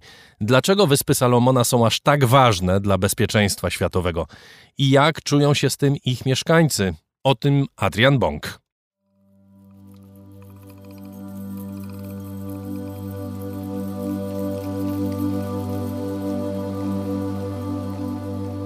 Liczby najlepiej sprawdzają się na papierze.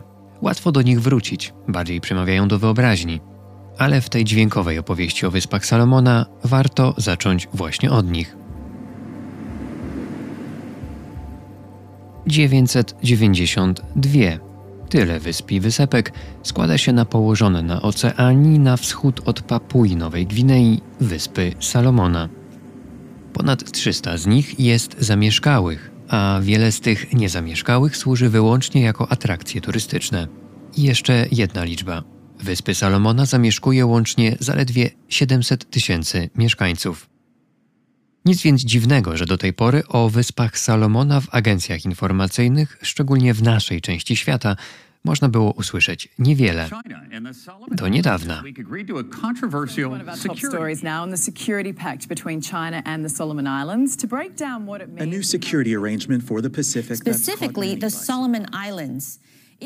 Od kilku tygodni Wyspy Salomona są obecne w największych mediach na świecie, na czele z BBC, CNN czy australijską ABC News.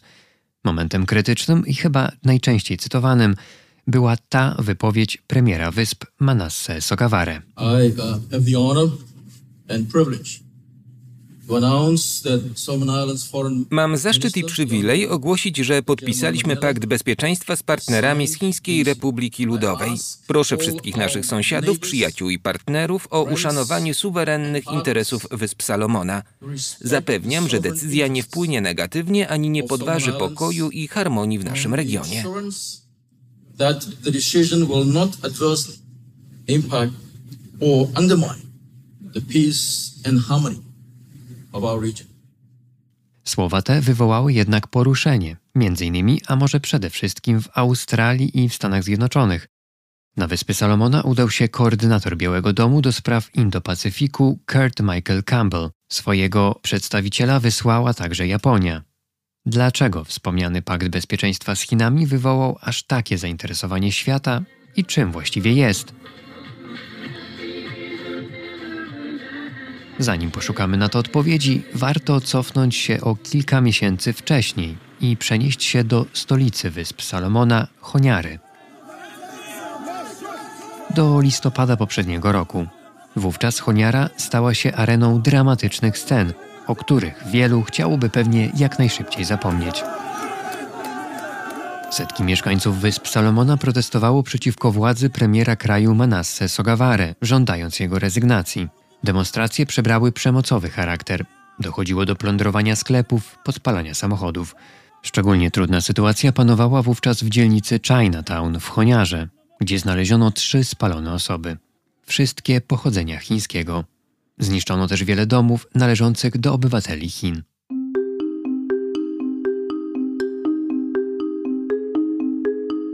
Antychińskie nastroje wynikały z decyzji władz i wspomnianego premiera Sogaware, który w 2019 roku zadecydował o zerwaniu stosunków dyplomatycznych z Tajwanem i nawiązaniu ich z rządem centralnym w Pekinie. Dlaczego wówczas premier zdecydował się na taki krok? Według Jamesa Batleya z Wydziału Spraw Pacyficznych Australijskiego Uniwersytetu Narodowego było to kwestią czasu. Quite a long time there's been a, a contest between uh, China and Taiwan for diplomatic recognition in the Pacific. Od dawna w regionie Pacyfiku toczyła się rywalizacja o dyplomatyczne poparcie i uznanie, czy to dla Tajwanu, czy to dla Chin. Wyspy Salomona popierały Tajwan, ale coraz częściej w elitach politycznych było poczucie, że to Chiny są rosnącą międzynarodową potęgą i nawet jeśli Tajwan wspierał w różny sposób wyspy przez wiele lat, perspektywa większego wsparcia, większych inwestycji, projektów infrastrukturalnych była kusząca, aż wreszcie zdecydowano o zmianie podejścia.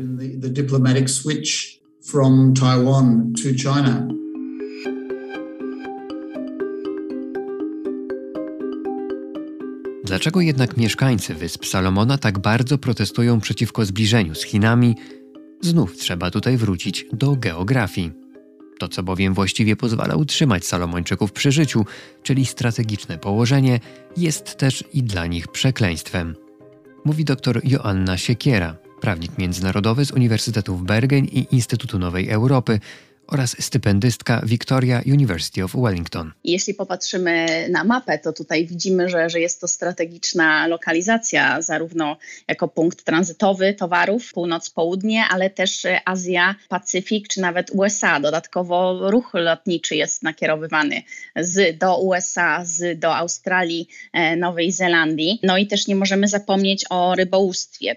Dla ludności e, oceanicznej e, głównym źródłem proteiny jest tuńczyk a zatem większość gospodarek oceanicznych, mikropaństw oceanii, polega właśnie na y, połowie tuńczyka, a zatem jest to bardzo strategiczny region.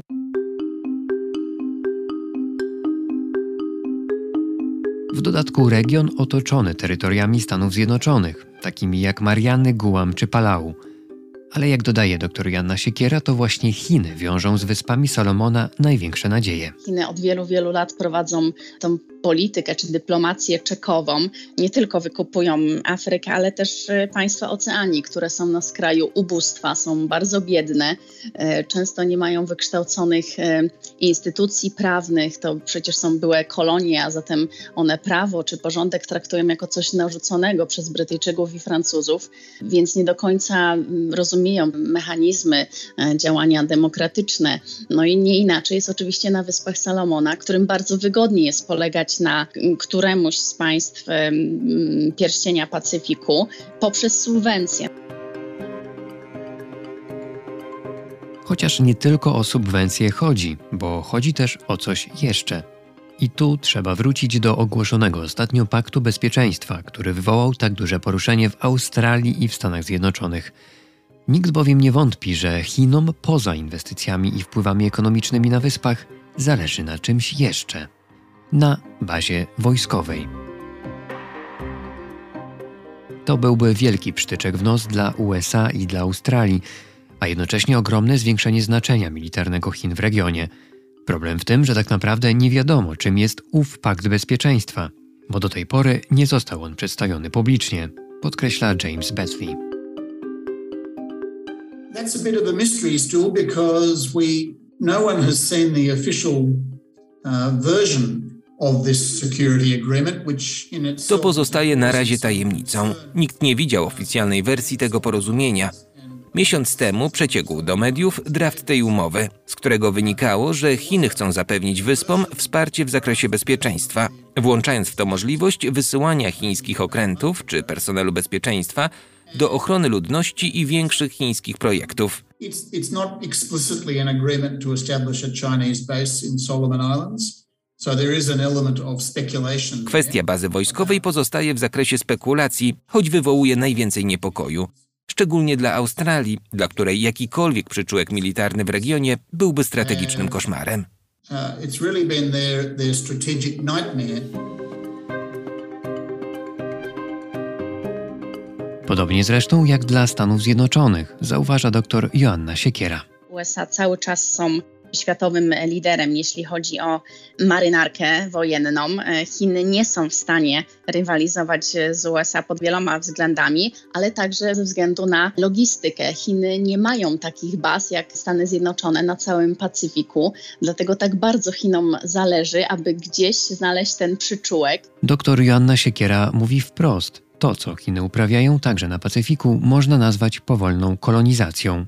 Podobnego zdania jest zresztą James Betsy. The perception of local Solomon Islanders is that uh, Chinese business people have tended to crowd out uh, local businesses, have taken away opportunities from uh, local people.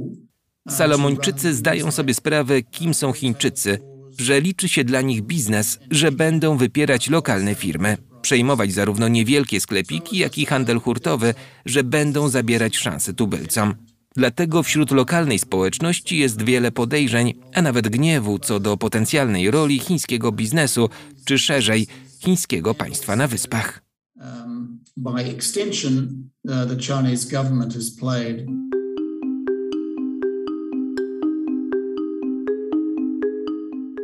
Politycy z Wysp Salomona i eksperci sprzyjający władzom przekonują, że tzw. Tak Zachód ma wiele pretensji o zbliżenie z Chinami, a tymczasem pomoc Australii, która do tej pory przez wiele lat także wspierała finansowo wyspy, nie doprowadziła do zwiększenia się poziomu życia Salomończyków.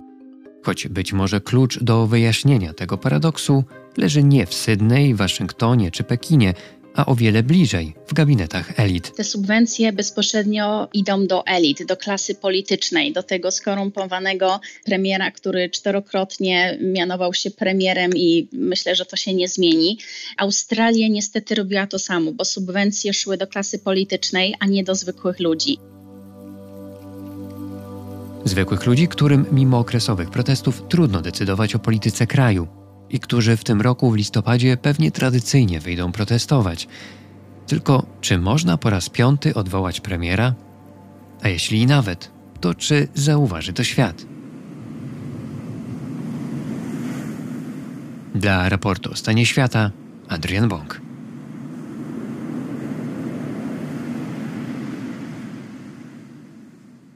Władze Salwadoru aresztowały 17 tysięcy członków gangów działających w kraju. To skutek akcji trwającej od miesiąca i która potrwa jeszcze co najmniej miesiąc, bo kongres właśnie przedłużył stan wyjątkowy w kraju. Te działania rozpoczęły się 27 marca, dzień po tym, jak w Salwadorze ofiarą zabójstw padły 62 osoby. Salwador jest jednym z najniebezpieczniejszych krajów e, do życia na świecie, choć w ostatnich latach poziom przestępczości znacząco spadał. W studio Joanna Gocłowska-Bolek e, z Wydziału Nauk Politycznych i Studiów Międzynarodowych Uniwersytetu Warszawskiego. Witam panią, dzień dobry. Dzień dobry. Właściwie przy dwóch okazjach rozmawiamy o Salwadorze. To znaczy, pierwszy to jest, kiedy pojawia się temat karawany uchodźców przemierzającej całą Amerykę do granicy ze Stanami Zjednoczonymi, a drugi to przemoc, która zresztą jest chyba głównym powodem ucieczki y, większości tych ludzi y, z kraju. Dlaczego Salwador to jest tak niebezpieczny, tak trudny do życia kraj? Ja jeszcze podpowiem trzeci temat, o którym warto porozmawiać, e, bo e, to jest wreszcie coś takiego pozytywnego, przynajmniej nowy prezydent próbuje tak to Salwador przedstawić, to znaczy to jest kraj bitcoina. Mhm. E, także no tak. to nowoczesny, nowoczesny obraz, e, który po prostu ma zaburzyć w naszej, w naszej świadomości, w odbiorze zarówno Salwadorczyków samych, jak i, i na zewnątrz. No właśnie ten tradycyjny, taki ponury bardzo, bardzo obraz Salwadoru Bitcoin jest oficjalną walutą tego kraju. Bitcoin jest jedną z dwóch oficjalnych walut, e, bo dolar oczywiście pozostał, ale w bitcoinach możemy spokojnie płacić za kawę gdzieś tam w sieci. Takiej w Salwadorze, ale też podobnoż w wielu miejscach, także gdzieś tam na bazarkach, kupując jakieś, jakieś placki czy, czy, czy jakieś takie lokalne wyroby, więc z jednej strony tak, i to jest coś nowego, co przyniósł ze sobą jako jeden ze swoich głównych pomysłów nowy prezydent Naib Bukele.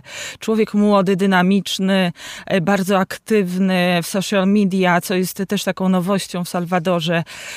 Niedługo miną trzy lata, od kiedy, od kiedy on objął urząd i właśnie od tego się zaczęło. Się zaczęły no, pewne jednak przemiany i to, co, co, o czym dzisiaj będziemy rozmawiać, no właśnie nabiera takiego nowego kolorytu.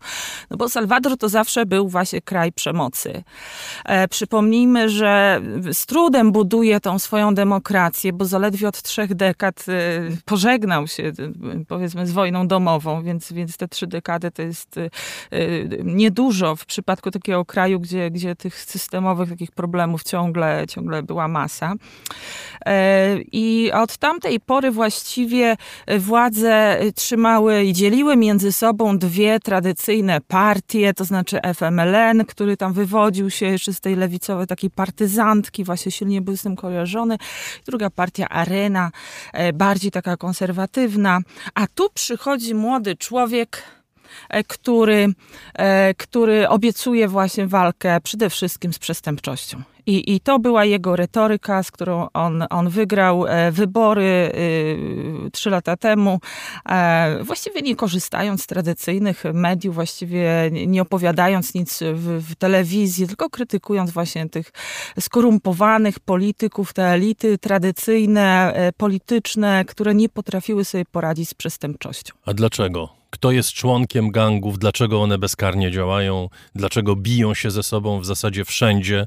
Mieliśmy też jeszcze jedna historia barwna, to są te bunty w więzieniach, czy w ogóle zachowania tych członków gangów w więzieniach, gdzie oni kierują krajem z więzień bardzo często, prawda? Mówi się o tym, że niekiedy dochodziło nawet do porozumienia pomiędzy władzami więziennymi a członkami gangów, którzy tam siedzą i tak dalej, i tak dalej. To są no, takie filmowe historie, które e, gdzieś tam które, właśnie z Salwadorem kojarzyliśmy. Tak, i które są, są, prawdziwe. prawdziwe tak? I, I, przypomnijmy też, że te gangi salwadorskie, y, chyba naj, naj najbardziej krwawe w ogóle z, ze, ze wszystkich latynoamerykańskich, chociaż tutaj konkurencja jest spora, one przywędrowały ze Stanów Zjednoczonych. Właściwie zostały wyeksportowane przez Stany Zjednoczone, to żeby nie mieć e, u siebie problemu, bo tych Salwadorczyków i innych Latynoamerykanów przybyło sporo w, no, w, w poprzednich dekadach i w latach 80. one wcześniej nawet zaczęły budować, ale w latach 80. rozrosły się gangi e, w Los Angeles przede wszystkim, gdzie, gdzie właśnie Salwadorczycy uciekający przed tą przemocą, przed wojną domową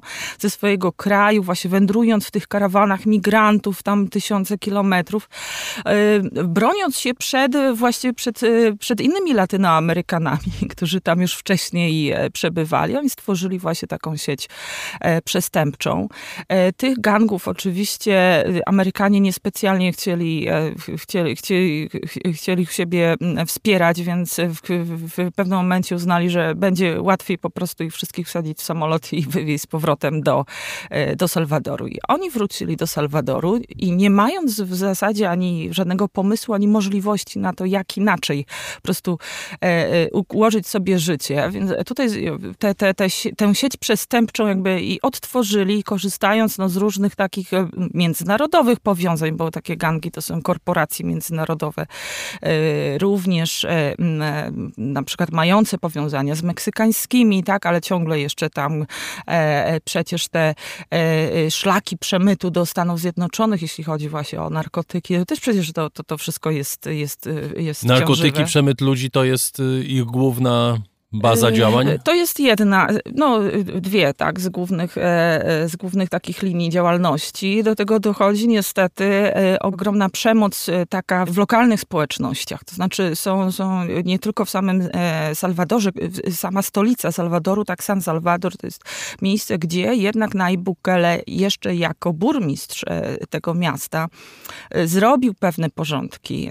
Na obrzeżach Salwadoru jest z kolei straszliwy problem, ale w mniejszych miastach Salwadoru tam właściwie rządzą ganki. Do dzisiaj. E, nikt nie założy żadnej działalności. Nawet nie można być e, e, kierowcą autobusu, jeżeli się nie opłaca tym gangom. Także to, to członkowie gangu decydują o tym, kto na przykład wierzy tego miasta, kto ma prawo wyjechać, w jaki sposób tam prowadzi tą działalność, pobierają haracze, ale też jeżeli ktoś im się nie spodoba, to niestety rozprawiają się z nim w sposób bardzo krwawy. Powodem wprowadzenia stanu wyjątkowego był ten dramatyczny dzień 26 marca, ale jak pani y, wspomniała, za czasów obecnego prezydenta Naiba Bukele poziom tych zabójstw spada. Można mówić o rzeczywiście o jakimś procesie, o zjawisku radzenia sobie władz i sił bezpieczeństwa z tymi gangami? Paradoksalnie, y, zdecydowanie tak no właśnie spada poziom przestępczości. E, od kiedy Nayib Bukele przyszedł i, i zapowiedział rzeczywiście taką e, zdecydowaną walkę z tymi gangami, no to widzimy, statystyki e, pokazują to bardzo wyraźnie. O ile jeszcze w takim najbardziej tragicznym roku 2015 mieliśmy zabójstw w tym kraju niewielkim, to jest 6,5 miliona mieszkańców mniej więcej, było zabójstw w ciągu roku 6600 ponad, to w zeszłym roku spadło to do 1140 wciąż dużo. Wciąż to jest kraj olbrzymiej przemocy, natomiast ten spadek jest spektakularny i naprawdę, e, naprawdę olbrzymi. E, I tak jak na przykład e, mm, takie, takie wskaźniki, które może lepiej nam to, to pokażą i uświadomią, jeżeli na przykład w Polsce od, od lat już, mm, powiedzmy od, od początku obecnego stulecia, mniej więcej ten wskaźnik zabójstw się układa 0,7 na 100 tysięcy mieszkańców, w Niemczech mamy 0,3 na 100 tysięcy mieszkańców. Mniej więcej takie europejskie są standardy. Natomiast w, w Salwadorze to było 103 e, zabójstwa na 100 tysięcy mieszkańców, a spadło do 20 prawda? Więc to jest coś, co ludzie rzeczywiście doceniają. Zresztą to jest nagłaśniane bardzo intensywnie przez samego prezydenta, który jest osobą niesamowicie aktywną w, w, na Twitterze chociażby, ale też przez, przez i lokalnych polityków e, i, i przez e, gazety, które jeszcze tam się e, ostały, więc to jest coś, co ludzie doceniają. Poparcie prezydenta jest olbrzymie, wciąż około 90% Salwadorczyków popiera go i Mm, e, właśnie y, udało mu się doprowadzić do tego, że liczba zabójstw drastycznie spadła, ale jakim kosztem? To jest no pytanie, właśnie, prawda? To są, no są skutki uboczne. Skąd, skąd to się wzięło? No nagle przychodzi młody człowiek, on dzisiaj ma 40 lat, tak, ale obejmując urząd, no to jeszcze był młodszy. E, e, cóż on takiego zrobił? No i tutaj właśnie takich znaków zapytania pojawia się sporo i odpowiedzi e, szukali chociażby dziennikarze salwadorscy, którzy w, w takim bardzo znanej gazety El Faro przygotowali raport na podstawie no tam takich naprawdę e, szeroko zakrojonych poszukiwań, gdzie dotarli do wielu dokumentów i wskazują na to bardzo wyraźnie, że Nayib Bukele podpisał po prostu porozumienie z gangami. E, na czym to porozumienie miałoby polegać? Sam Nayib Bukele zaprzecza, prawda, i politycy z nim związani oczywiście zaprzeczają, natomiast tutaj również na przykład e, Stany Zjednoczone absolutnie popierają, tak, że to, że to jest fa faktem, że, że takie porozumienie z gangami prezydent zawarł.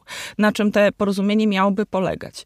Tutaj wspomniał Pan przed chwilą, i, i to jest ten też bardzo ważny temat, że jest bardzo y, dużo osadzonych e, więźniów w salwadorskich więzieniach, a te więzienia to z więzieniami takimi jakimiś znanymi nam tutaj, nie wiem, z jakiejś polskiej czy europejskiej rzeczywistości mają niewiele wspólnego. To są ogromne, takie wielkopowierzchniowe hale, gdzie tych więźniów jest zgromadzonych bardzo dużo.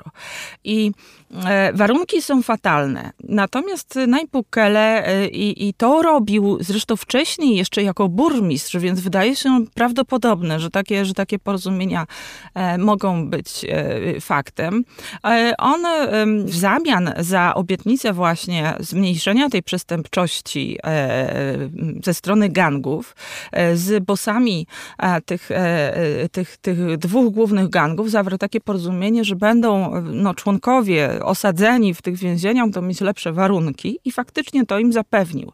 To znaczy dostęp chociażby do, do posiłków, nawet do fast foodów, dostęp do telefonów, na przykład również do, do, do jakichś usług prostytutek e, co, co pewien czas, no oczywiście lepsze jakieś cele, prawda, więcej miejsca, więcej tam czasu spacerowego i tak dalej, i tak dalej. To są rzeczy, które tam rzeczywiście przez tych więźniów są bardzo cenione. No nie ma się co dziwić, jeszcze wziąwszy pod uwagę, że to są bandyci, którzy mają y, większość pewnie z nich na sumieniu życie wielu, wielu ludzi.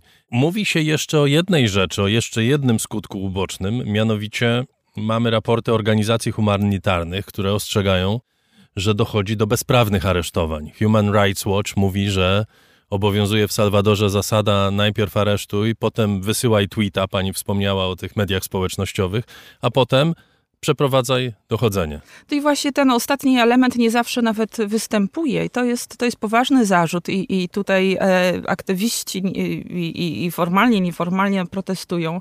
Faktycznie, e, proszę sobie wyobrazić, w ciągu 33 dni aresztowano, pan powiedział 17 tysięcy, to już nieprawda, już 20 tysięcy, więc z dnia na dzień tak naprawdę rośnie to po prostu ta liczba lawinowo. Się wydaje, że to jest jakiś konkurs po prostu, jakiś, jakiś e, e, e jakiś e, w ogóle absurdalny konkurs, którym startuje Nayib Bukele i chce aresztować jak najwięcej osób. E, to są ogromne liczby. E, więzienia w Salwadorze no, już są przepełnione i to, i to potwornie przepełnione, bo one powiedzmy, że są w, w stanie przyjąć 18 tysięcy więźniów, a już przed tym wydarzeniem przebywało tam ponad 38 tysięcy, a teraz jeżeli dodaje dodaje, dodajemy 20 tysięcy w te same miejsca, a nawet mniej, bo jedno z więzień Najbukale miał taki pomysł, żeby zamienić na uniwersytet, więc wyeksmitował stamtąd więźniów, no przecież nie do domu, tylko do, do pozostałych więzień, tak? A tam, no, próbuje, e, nie wiem z jakim skutkiem, szczerze mówiąc, e, nie jestem zainteresowana, żeby tam naukowo też e, na przykład jechać i jakieś akademickie relacje budować, no ale tam próbuje budować jakieś sale akademickie i tam mają się studenci e, kształcić. Natomiast to są więźniowie stłoczeni absolutnie w, w takich nieludzkich warunkach, gdzie, gdzie e, też nie zwiększono przecież środków na przykład na e, wyżywienie tych, tych więźniów. Co to oznacza? Sam Naim Bukele zaznacza to, że, że oni będą mieć teraz już tylko najwyżej dwa posiłki dziennie zamiast trzech. E, nie będą mieć dostępu do telefonów. E, nie, bardzo często nie mają dostępu do prawnika, nie mają żadnej pomocy prawnej, e, nie mają możliwości kontaktu ze swoją rodziną. To też... A z drugiej strony dogaduje się z tymi bosami, i w ramach tych uzgodnień mają mieć dostęp do różnych atrakcji. I teraz prawda? ci, bo jednak tutaj wydaje się, że w którymś momencie się nie dogadali, prawda? Bo to, co się wydarzyło właśnie te ponad miesiąc temu, ten, ten wskaźnik zabójstw nagle wzrósł, prawda? To była krwawa sobota, gdzie faktycznie no, e, zamordowano ponad 62 osoby w ciągu, w ciągu jednego dnia, ale to miało e, coś symbolizować, no bo e, gangi chciały pokazać panu prezydentowi, że no ten układ, ten podpisany, prawda, nieformalnie ta umowa, ona nie działa, no bo nie zostaje przez niego e, tam w jakiś sposób respektowana, co oznacza, że tutaj są wątpliwości. On z kolei chce pokazać swoją siłę i mm, e, aresztuje wszystkich właściwie, którzy, no tam wydaje się, że mogą mieć jakieś powiązania, no bo wśród tych 20 tysięcy osób aresztowanych tak ad hoc, właściwie w, na ulicach i, i e, gdziekolwiek, bardzo jest duża, duży duże prawdopodobieństwo, że część z tych osób no, pewnie nie ma wcale żadnych powiązań z gangami. I to się co chwila gdzieś tam czyta, w jakichś mediach się pojawia. Rodziny e, informują, że przecież no, ten, ten, ten chłopak, prawda, był grzeczny, e, grzeczny syn. Przypomnijmy też, że można aresztować teraz e, dzieci, dzieci od 12 roku życia prawda? Zwiększono też no, maksymalny wyrok, który można dostać do 45 lat. I teraz, jeżeli do tego dołożymy, że niekoniecznie w ogóle jakieś postępowanie będzie, będzie przeprowadzone, no bo też trudno sobie wyobrazić, że sądy, które już wcześniej przecież były niewydolne, teraz nagle poradzą sobie z taką drastyczną liczbą e, nowych więźniów. No więc tutaj tych znaków zapytania znowuż bardzo dużo powstaje. Bardzo dziękuję. Joanna Gocłowska-Bolek z Wydziału Nauk Politycznych i Studiów Międzynarodowych Uniwersytetu Warszawskiego była gościem raportu o stanie świata. Dziękuję.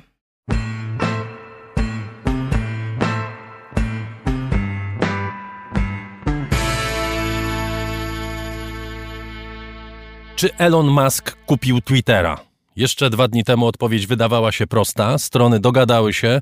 Najbogatszy człowiek świata kupuje serwis kierowany przez Jacka Dorseya za 44 miliardy dolarów. Dziś nikt transakcji nie odwołuje, ale pojawiają się poważne pytania, zarówno ekonomiczne, jak i filozoficzne dotyczące tego zakupu. Najważniejsza firma Maska, czyli Tesla, otrzymała na giełdzie potężny cios. W jeden dzień akcje Tesli spadły o 12%, co przekłada się na spadek rynkowej wartości firmy o 126 miliardów dolarów. W czwartek Musk sprzedał ponad 4 miliony akcji Tesli za prawie 4,5 miliarda, najprawdopodobniej w celu uzyskania środków na zakup właśnie Twittera. Dlaczego w ogóle Elon Musk chce kupić tę firmę? Jak udało mu się przekonać dotychczasowych właścicieli Twittera, by oddali mu własną firmę? I co taka transakcja, której finalizacja, żeby było jasne, potrwać może jeszcze kilka miesięcy, będzie oznaczała dla mediów cyfrowych, zwłaszcza Twittera, choć nie tylko. O tym porozmawiam z moim gościem, którym jest Jowita Michalska, założycielka i dyrektorka Digital University, organizacji zajmującej się edukacją w dziedzinie nowych technologii i ambasadorką amerykańskiego think tanku Singularity University. Dzień dobry. Dzień dobry. Może zacznijmy od początku. Kim jest Elon Musk? To jest ważne pytanie, żeby tak otworzyć, dlatego że mm, ja myślę, że Elon Musk jest chyba najważniejszym innowatorem dzisiejszego świata. Ewidentnie tak jest. Człowiekiem. Ja muszę przyznać, że w całym tym jego dziwactwie ja go dosyć lubię dlatego że ja lubię rebeliantów i wydaje mi się, że oni wprowadzają, ponieważ nie wiedzą, że nie można, to wprowadzają zmiany. E, Elon już to wielokrotnie udowodnił, bo jest bodajże 8 czy 9, ostatnio widziałam taki raport różnych dziedzin biznesu, które on fundamentalnie zmienił. Nie zawsze mu się udaje, zobaczymy właśnie jak będzie z Twitterem, bo też on ma ciągle tak zwane ups and downs, raz, raz jest bardzo na wozie, raz, raz jest pod wozem. Um, nawet świadczy o tym to, że e, akcje Tesli tak spadły, myślę, że tego nie przewidywał.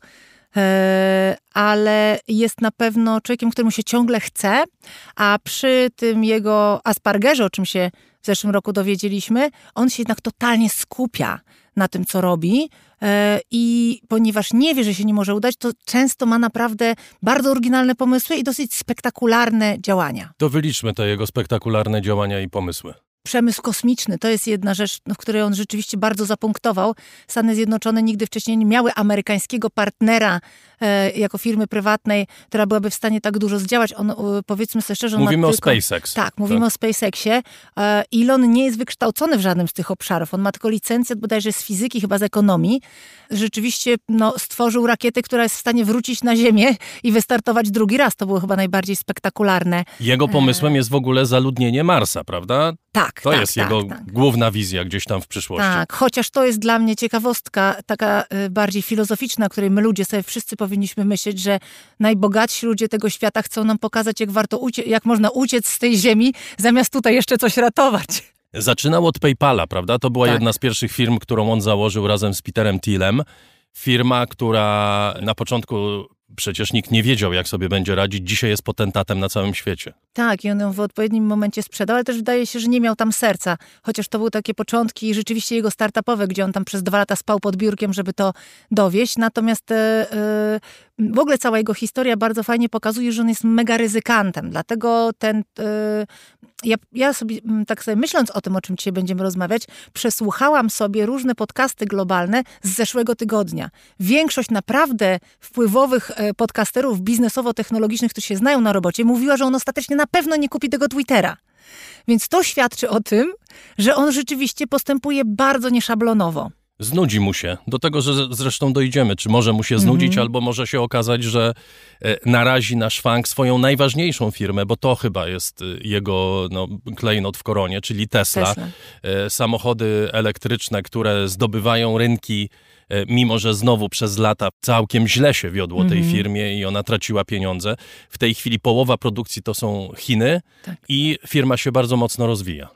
Tak, ale y, trzeba też wiedzieć o tym, że firmy y, Maska nie są takimi znowu tradycyjnymi organizacjami w sensie rozumienia ich y, y, wartości. Bo wartością Tesli nie jest liczba sprzedanych samochodów, tylko technologia, tylko same baterie, tak? E, Większość tych organizacji, którymi on zarządza, on, ich największą wartością jest technologia. Więc to jest też dobre pytanie, co on zrobi z Twitterem, wnosząc, jednak Twitter był jest y, taką zasiedziałą organizacją. Ma trudny model biznesowy. Jack Dorsey przez lata był prezesem e, i właścicielem zarówno w Twitterze, jak i w Square'ze, gdzie się tak bardzo chwalił wszystkim, że e, dwa dni pracuje, tu, dwa i pół dnia pracuje w, jako CEO w tej firmie, dwa i pół dnia jako CEO w tej drugiej. Opowiadał, jakie miał tam life hacki dotyczące tego, a prawda jest taka, że akurat Twitter nigdy, e, nigdy, no może nie nigdy, ale od kilku lat się nie rozwijał. Ten, ten model biznesowy był dosyć marny i tak jak widzimy rozwój w ogóle platform społecznościowych, co się w tym czasie, z, z, co w tym czasie na przykład zrobił Zuckerberg e, z, z Instagramem, z całą masą różnych udogodnień na, na, na, na Facebooku, jak powstał i urósł TikTok, e, nawet na LinkedInie, co się zadziało, to jednak ten Twitter zawsze pozostawał tak trochę z tyłu. On jest... e, Popatrzmy na liczby, bo to jest z, chyba z zeszłego tygodnia albo nawet z tego dane nowe. 229 milionów użytkowników, 500 milionów dolarów zysku w ostatnim kwartale ale to oczywiście nam się wydają niebotyczne sumy, nikt z nas nigdy nie będzie miał tych pieniędzy, ale dla takich firm to nie są nie. y, duże osiągi, prawda? Nie, tam dwa z hakiem miliarda ludzi jest przecież na Facebooku, więc y, to są, to są y, liczby marne. I nie było też trochę pomysłu. Pamiętam, jak profesor Scott Galloway się próbował przebić ze swoimi pomysłami do, do Twittera, wprowadzić właśnie takie subscription fee, zastanowić się, jak do, dodatkową wartość budować, ale to się nie udało, już się ten, ten Twitter trochę tak płynął. No z jednej strony ma ogromną wartość, bo tam są głównie politycy, tam są dziennikarze, więc Twitter jest taki wysublimowany i specyficzny w pewnym sensie, prawda? i bardzo wpływowy w sensie opinii publicznej. I tu dochodzimy do istoty rzeczy.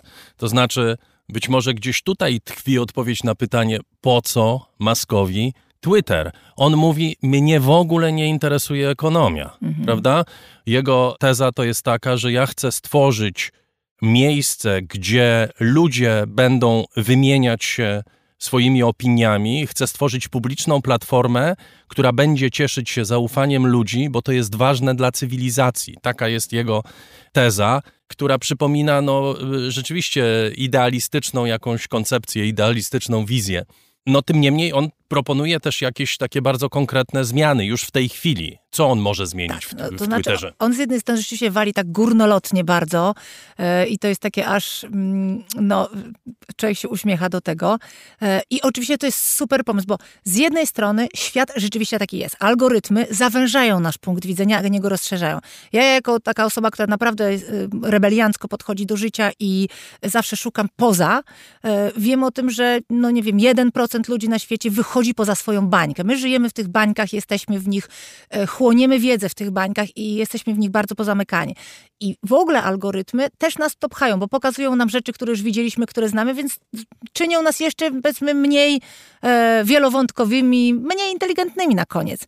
A to, e, e, co Musk proponuje, tą wolność wypowiedzi, on o sobie mówi free speech maximalist wręcz, tak? Czyli, że on Absolutysta wolności słowa. absolutysta, maksymalista wolności słowa, to z jednej strony brzmi ekstra, bo jeżeli on chce, to i to, to jest jedna z jego propozycji. A pamiętajmy, że Musk jednak bardzo ma ścisły umysł i on mocno technologicznie myśli. I to jest, myślę, taka pozytywna część, która się może zadziać. A on chce zrobić open source'owy, czyli otwarty algorytm. On chce, żeby było to transparentne. On czyli żebyśmy zasilić... wiedzieli, w jaki sposób jesteśmy wykorzystywani przez te algorytmy. Dokładnie. Dlaczego coś wpływa na nasze konto, a coś innego nie wpływa. Tak. I jak się w ogóle niesie informacja. Jak się w ogóle mhm. niesie informacja po Twitterze, co jest oczywiście wspaniałym pomysłem z jednej strony. W drugiej chce zasilić to sztuczną inteligencją, która e, będzie. Twitter ma też ogromne problemy z botami, z e, rozpowszechnianiem się całej masy fake newsów i, i, zawsze z tym walczy i nie może z tym powalczyć, co Musk obiecuje na razie w takich jednozdaniowych tweetach, więc tak do końca nie wiadomo, jaką ma za tym koncepcję, ale może mieć, że chce powalczyć, z jednej strony uwolni Twittera w taki sposób, że będzie można dowolne rzeczy na nim mówić i nawet gdy jego będą hejtować, on obiecuje, że nie będzie na to w żaden sposób, nie będzie chciał na to wpływać. Dzisiaj on ma 87 milionów obserwujących. To chyba mu o 5 skoczyło od zeszłego tygodnia, więc myślę, że kupił sobie tak naprawdę medium, w którym był głównym królem. To jest chyba największe konto. Ale z drugiej strony no, mamy całą tą, co, co to jest wolność słowa, tak? To też nie, jest, nie jesteśmy jednoznaczni w tym myśleniu. Co to znaczy jest wolne? To znaczy, co pedofile też sobie mogą siedzieć na tym Twitterze i gadać co chcą, no tego byśmy nie chcieli. Jest oczywiście bardzo duża dyskusja, czy Donald Trump wróci na Twittera, prawda? No przecież Musk między innymi dlatego cieszy się takim powodzeniem wśród republikanów, bo bardzo jasno, bardzo czytelnie wypowiada się przeciwko blokowaniu Donalda Trumpa, przeciwko cancel culture, przeciwko mm. ograniczaniu wolności słowa ludziom, którzy nawet mają poglądy rasistowskie, mizoginistyczne, mm. poglądy, które y, są obrzydliwe. Mm. On mówi nie, my nie, nie będziemy ich y, blokować. I teraz oczywiście y, pytanie brzmi, które zadawane jest w tej chwili przez wielu, czy Elon Musk będzie tak samo wspaniałomyślny, jeśli chodzi o wolność słowa dotyczącą na przykład Chin, no gdzie ma swoją fabrykę Tesla i od którego to państwa zależy właściwie przyszłość jego jako biznesmena. Prawda? I tutaj to jest zasadnicze pytanie. Nie to, czy. No bo to, że on otworzy algorytm, no to bardzo jest miłe i tak, tak. dalej. Ale czy pozwoli krytykować Chiny? Jak rozumiem, Twittera w Chinach nie ma, natomiast jest mnóstwo Chińczyków, którzy używają Dokładnie. Twittera, zwłaszcza władz chińskich. Dokładnie. Y, to jest znowu ciekawe pytanie, bo Elon Musk już wielokrotnie w ciągu swojego życia medialnego pokazał, że jest w ogóle niekonsekwentny w swoich, y, y, w swoich wypowiedziach. Mm, nawet słuchałam jego wywiadu na, na TEDzie, tego świeżutkiego, gdzie mm, przypomniano mu, że nawet że nie dalej jak w zeszłym roku mówił, że na pewno nie kupiłby Twittera, bo wówczas wszystko, co by się złego zadziało na Twitterze, byłoby jego winą, tak? A teraz nagle nagle kupuje, więc y, on jest bardzo niekonsekwentny. E, jest też człowiekiem, który działa często niezgodnie z prawem. Tak widzieliśmy już wiele jego takich różnych zachowań. On już był prześwietlany przez SEC, którego nienawidzi, to jest tą komisją, Komisję Papierów Wartościowych amerykańską, poprzez, nawet, nawet przy przejmowaniu Twittera zrobił taki numer, że nie zgłosił tego przyjęcia tego, tych pierwszych 9,2% udziałów e, w terminie, w którym miał, e, więc on bardzo często postępuje niezgodnie z prawem. On się, mam wrażenie, często czuje ponad prawem. Przede wszystkim chyba zasadnicze pytanie, które i wątpliwość, która może się pojawić przy czymś takim, to jest, czy świat potrzebuje kolejnego miliardera, człowieka, który w żaden sposób nie jest weryfikowany w demokratyczny sposób, który będzie kierował tak wpływowym medium. To jest właściwie historia ostatnich dwóch czy trzech dekad, kiedy stworzyliśmy media, których nie jesteśmy w stanie w żaden sposób kontrolować i które należą do najbogatszych ludzi na świecie. No to jest moje do mnie też bardzo często wielkie takie filozoficzne pytanie, jak my pozwoliliśmy tej, tej przyszłości się kształtować, kiedy ona jest zarządzana przez tak naprawdę 40 białych kolesi, którzy żyją w swojej bańce zamkniętej, nie kontaktują się z całym światem. Oni nigdy w życiu nie spotkają ciebie ani mnie e, i nie mają zielonego pojęcia, co my myślimy, a decydują, a ich decyzje codzienne przy kawce e, na organicznym mleku e, mają implikacje na nas, tak? Już mówiąc o Zuckerbergu, który ja byłam miesiąc temu na największej technologicznej amerykańskiej konferencji w Austin, który bardzo polecam każdemu pojechać, przynajmniej raz 400 tysięcy ludzi tam przyjeżdża. I tam wystąpienie Zuckerberga wyglądało tak, że ludzie gwizdali i pokazywali faka. Mm. E, zaraz po nim, co śmieszne, występowała Frances Hogan, czyli e, osoba, która go pogrążyła, która właściwie spowodowała, że Facebook zmienił nazwę na Meta. Frances Hogan, która pokazywała, jak technicznie pod spodem działa Facebook, który rzeczywiście promuje hate speech bardzo często. Więc tak jest takie pytanie teraz. Y, Musk y, przejmie Twittera, który no jest czterokrotnie mniejszy niż Facebook. I z jednej strony oczywiście martwimy się, że po pierwsze ta, ta, ta wolna, e, wolna mowa, to, to free speech może być kontrowersyjne na koniec, może nam się odbić czkawką, bo to tylko w teorii tak fajnie wygląda, a w praktyce będziemy mieli chaos e, na tej platformie, ale z drugiej strony wszyscy inni też to robią i to jest ten problem, o którym ty mówisz, czyli że niewielu niekontrolowanych przez ludzi rządzi całym światem i posługuje się czymś, co nas wszystkich dotyczy, a czego znakomita większość z nas nie rozumie, bo to jest technologia. Ceny akcji Tesli spadają, akcje e, Twittera też e, wcale nie wywindowały się po ogłoszeniu tej transakcji. Pamiętajmy o tym, że Elon Musk może się cały czas wycofać, jego to będzie kosztowało, nie wiem, miliard czy tam dwa miliardy, no ale. Peanuts dla niego. Kto, kto bogatemu zabroni. Czy to jest y, cały czas możliwe, że po prostu do tej transakcji nie dojdzie, mimo że y, wszyscy dyrektorzy Twittera się na to zgodzili, no i Musk najwyraźniej jest bardzo tym zainteresowany? Byłabym zadziwiona, dlatego że myślę, że on nawet z powodu takich osobistych. Światem rządzi ego, a nie tam jakieś pieniądze. Pieniądze e, się, jak widać, łatwo mnożą albo łatwo przesuwają. E, I myślę, że ego Ilona Maska nie będzie chciało mu pozwolić. To musiałoby być bardzo gdzieś przyparty do muru i musiało być to naprawdę niemożliwe, bo to jest kolejna zabawka, którą sobie kupuje. E, I ma na to koncepcję, jak to zrewolucjonizować, bo to, co go kręci, i tak jak ja patrzę na niego przez te lata, to, co go kręci, czy to, co było w SpaceXie, czy w Neuralinku, który też był kompletnie nowym. No, e, interfejsy mózg...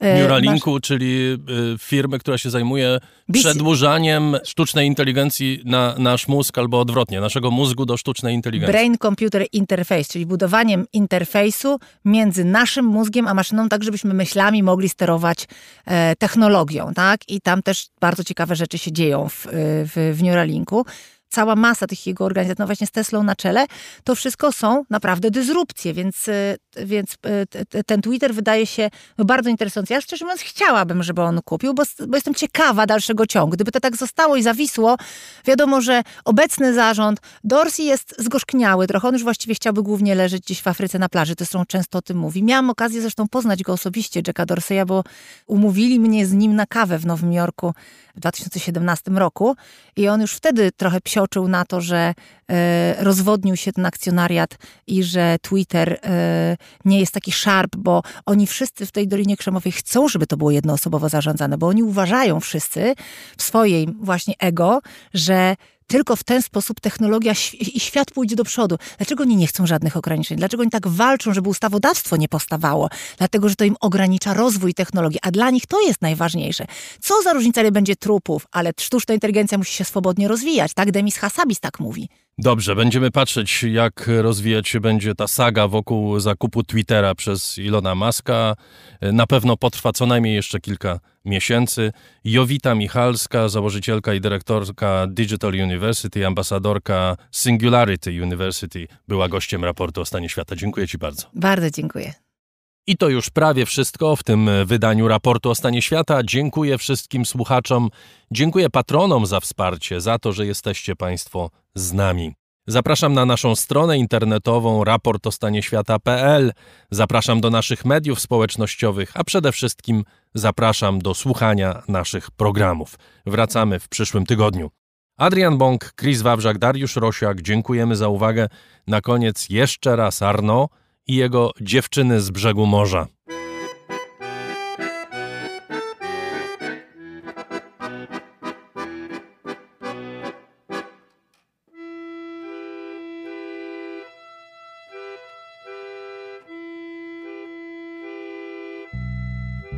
Je me souviens du bord de mer, avec ses filles au temps si clair. Elle avait l'âme hospitalière, c'était pas fait pour me déplaire.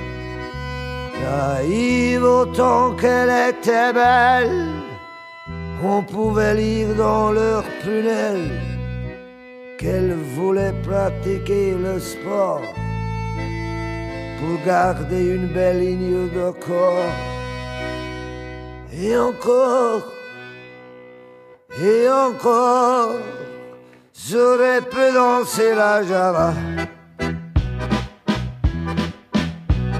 C'était chouette, les filles du bord de mer. Chouin, chouin, chouin. C'était fait pour qui savait y faire. Chouin, chouin, chouin.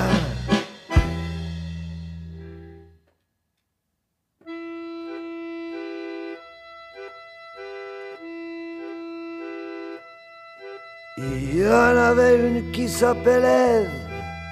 C'était vraiment la fille de mes rêves. Elle n'avait qu'un seul défaut. Elle se baignait plus qu'il ne faut. Plutôt que d'aller chez les masseurs, elle invitait les premières baigneurs à tâter du côté de son cœur en douceur.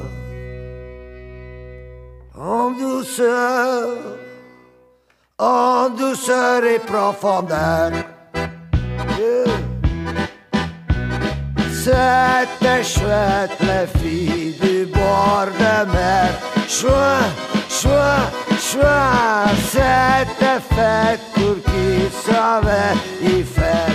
Chouin, chouin, chouin, c'était chouette, les filles du bord de mer.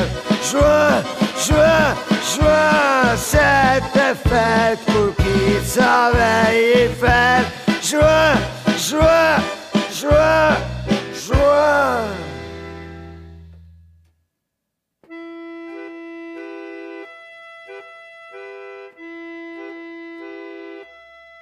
Lui pardonnant cette manie, je lui proposais de partager ma vie. Mais dès que revint l'été, je commençais à m'inquiéter. Car sur les bords de la mer du Nord, elle se remit à faire du sport. Je tolérais ce violon dingue, sinon elle devenait malingre. Et un beau jour, j'en ai c'était pique la mer à boire. Je le reflis en gigolo et j'ai nagé vers d'autres eaux. En douceur, en douceur.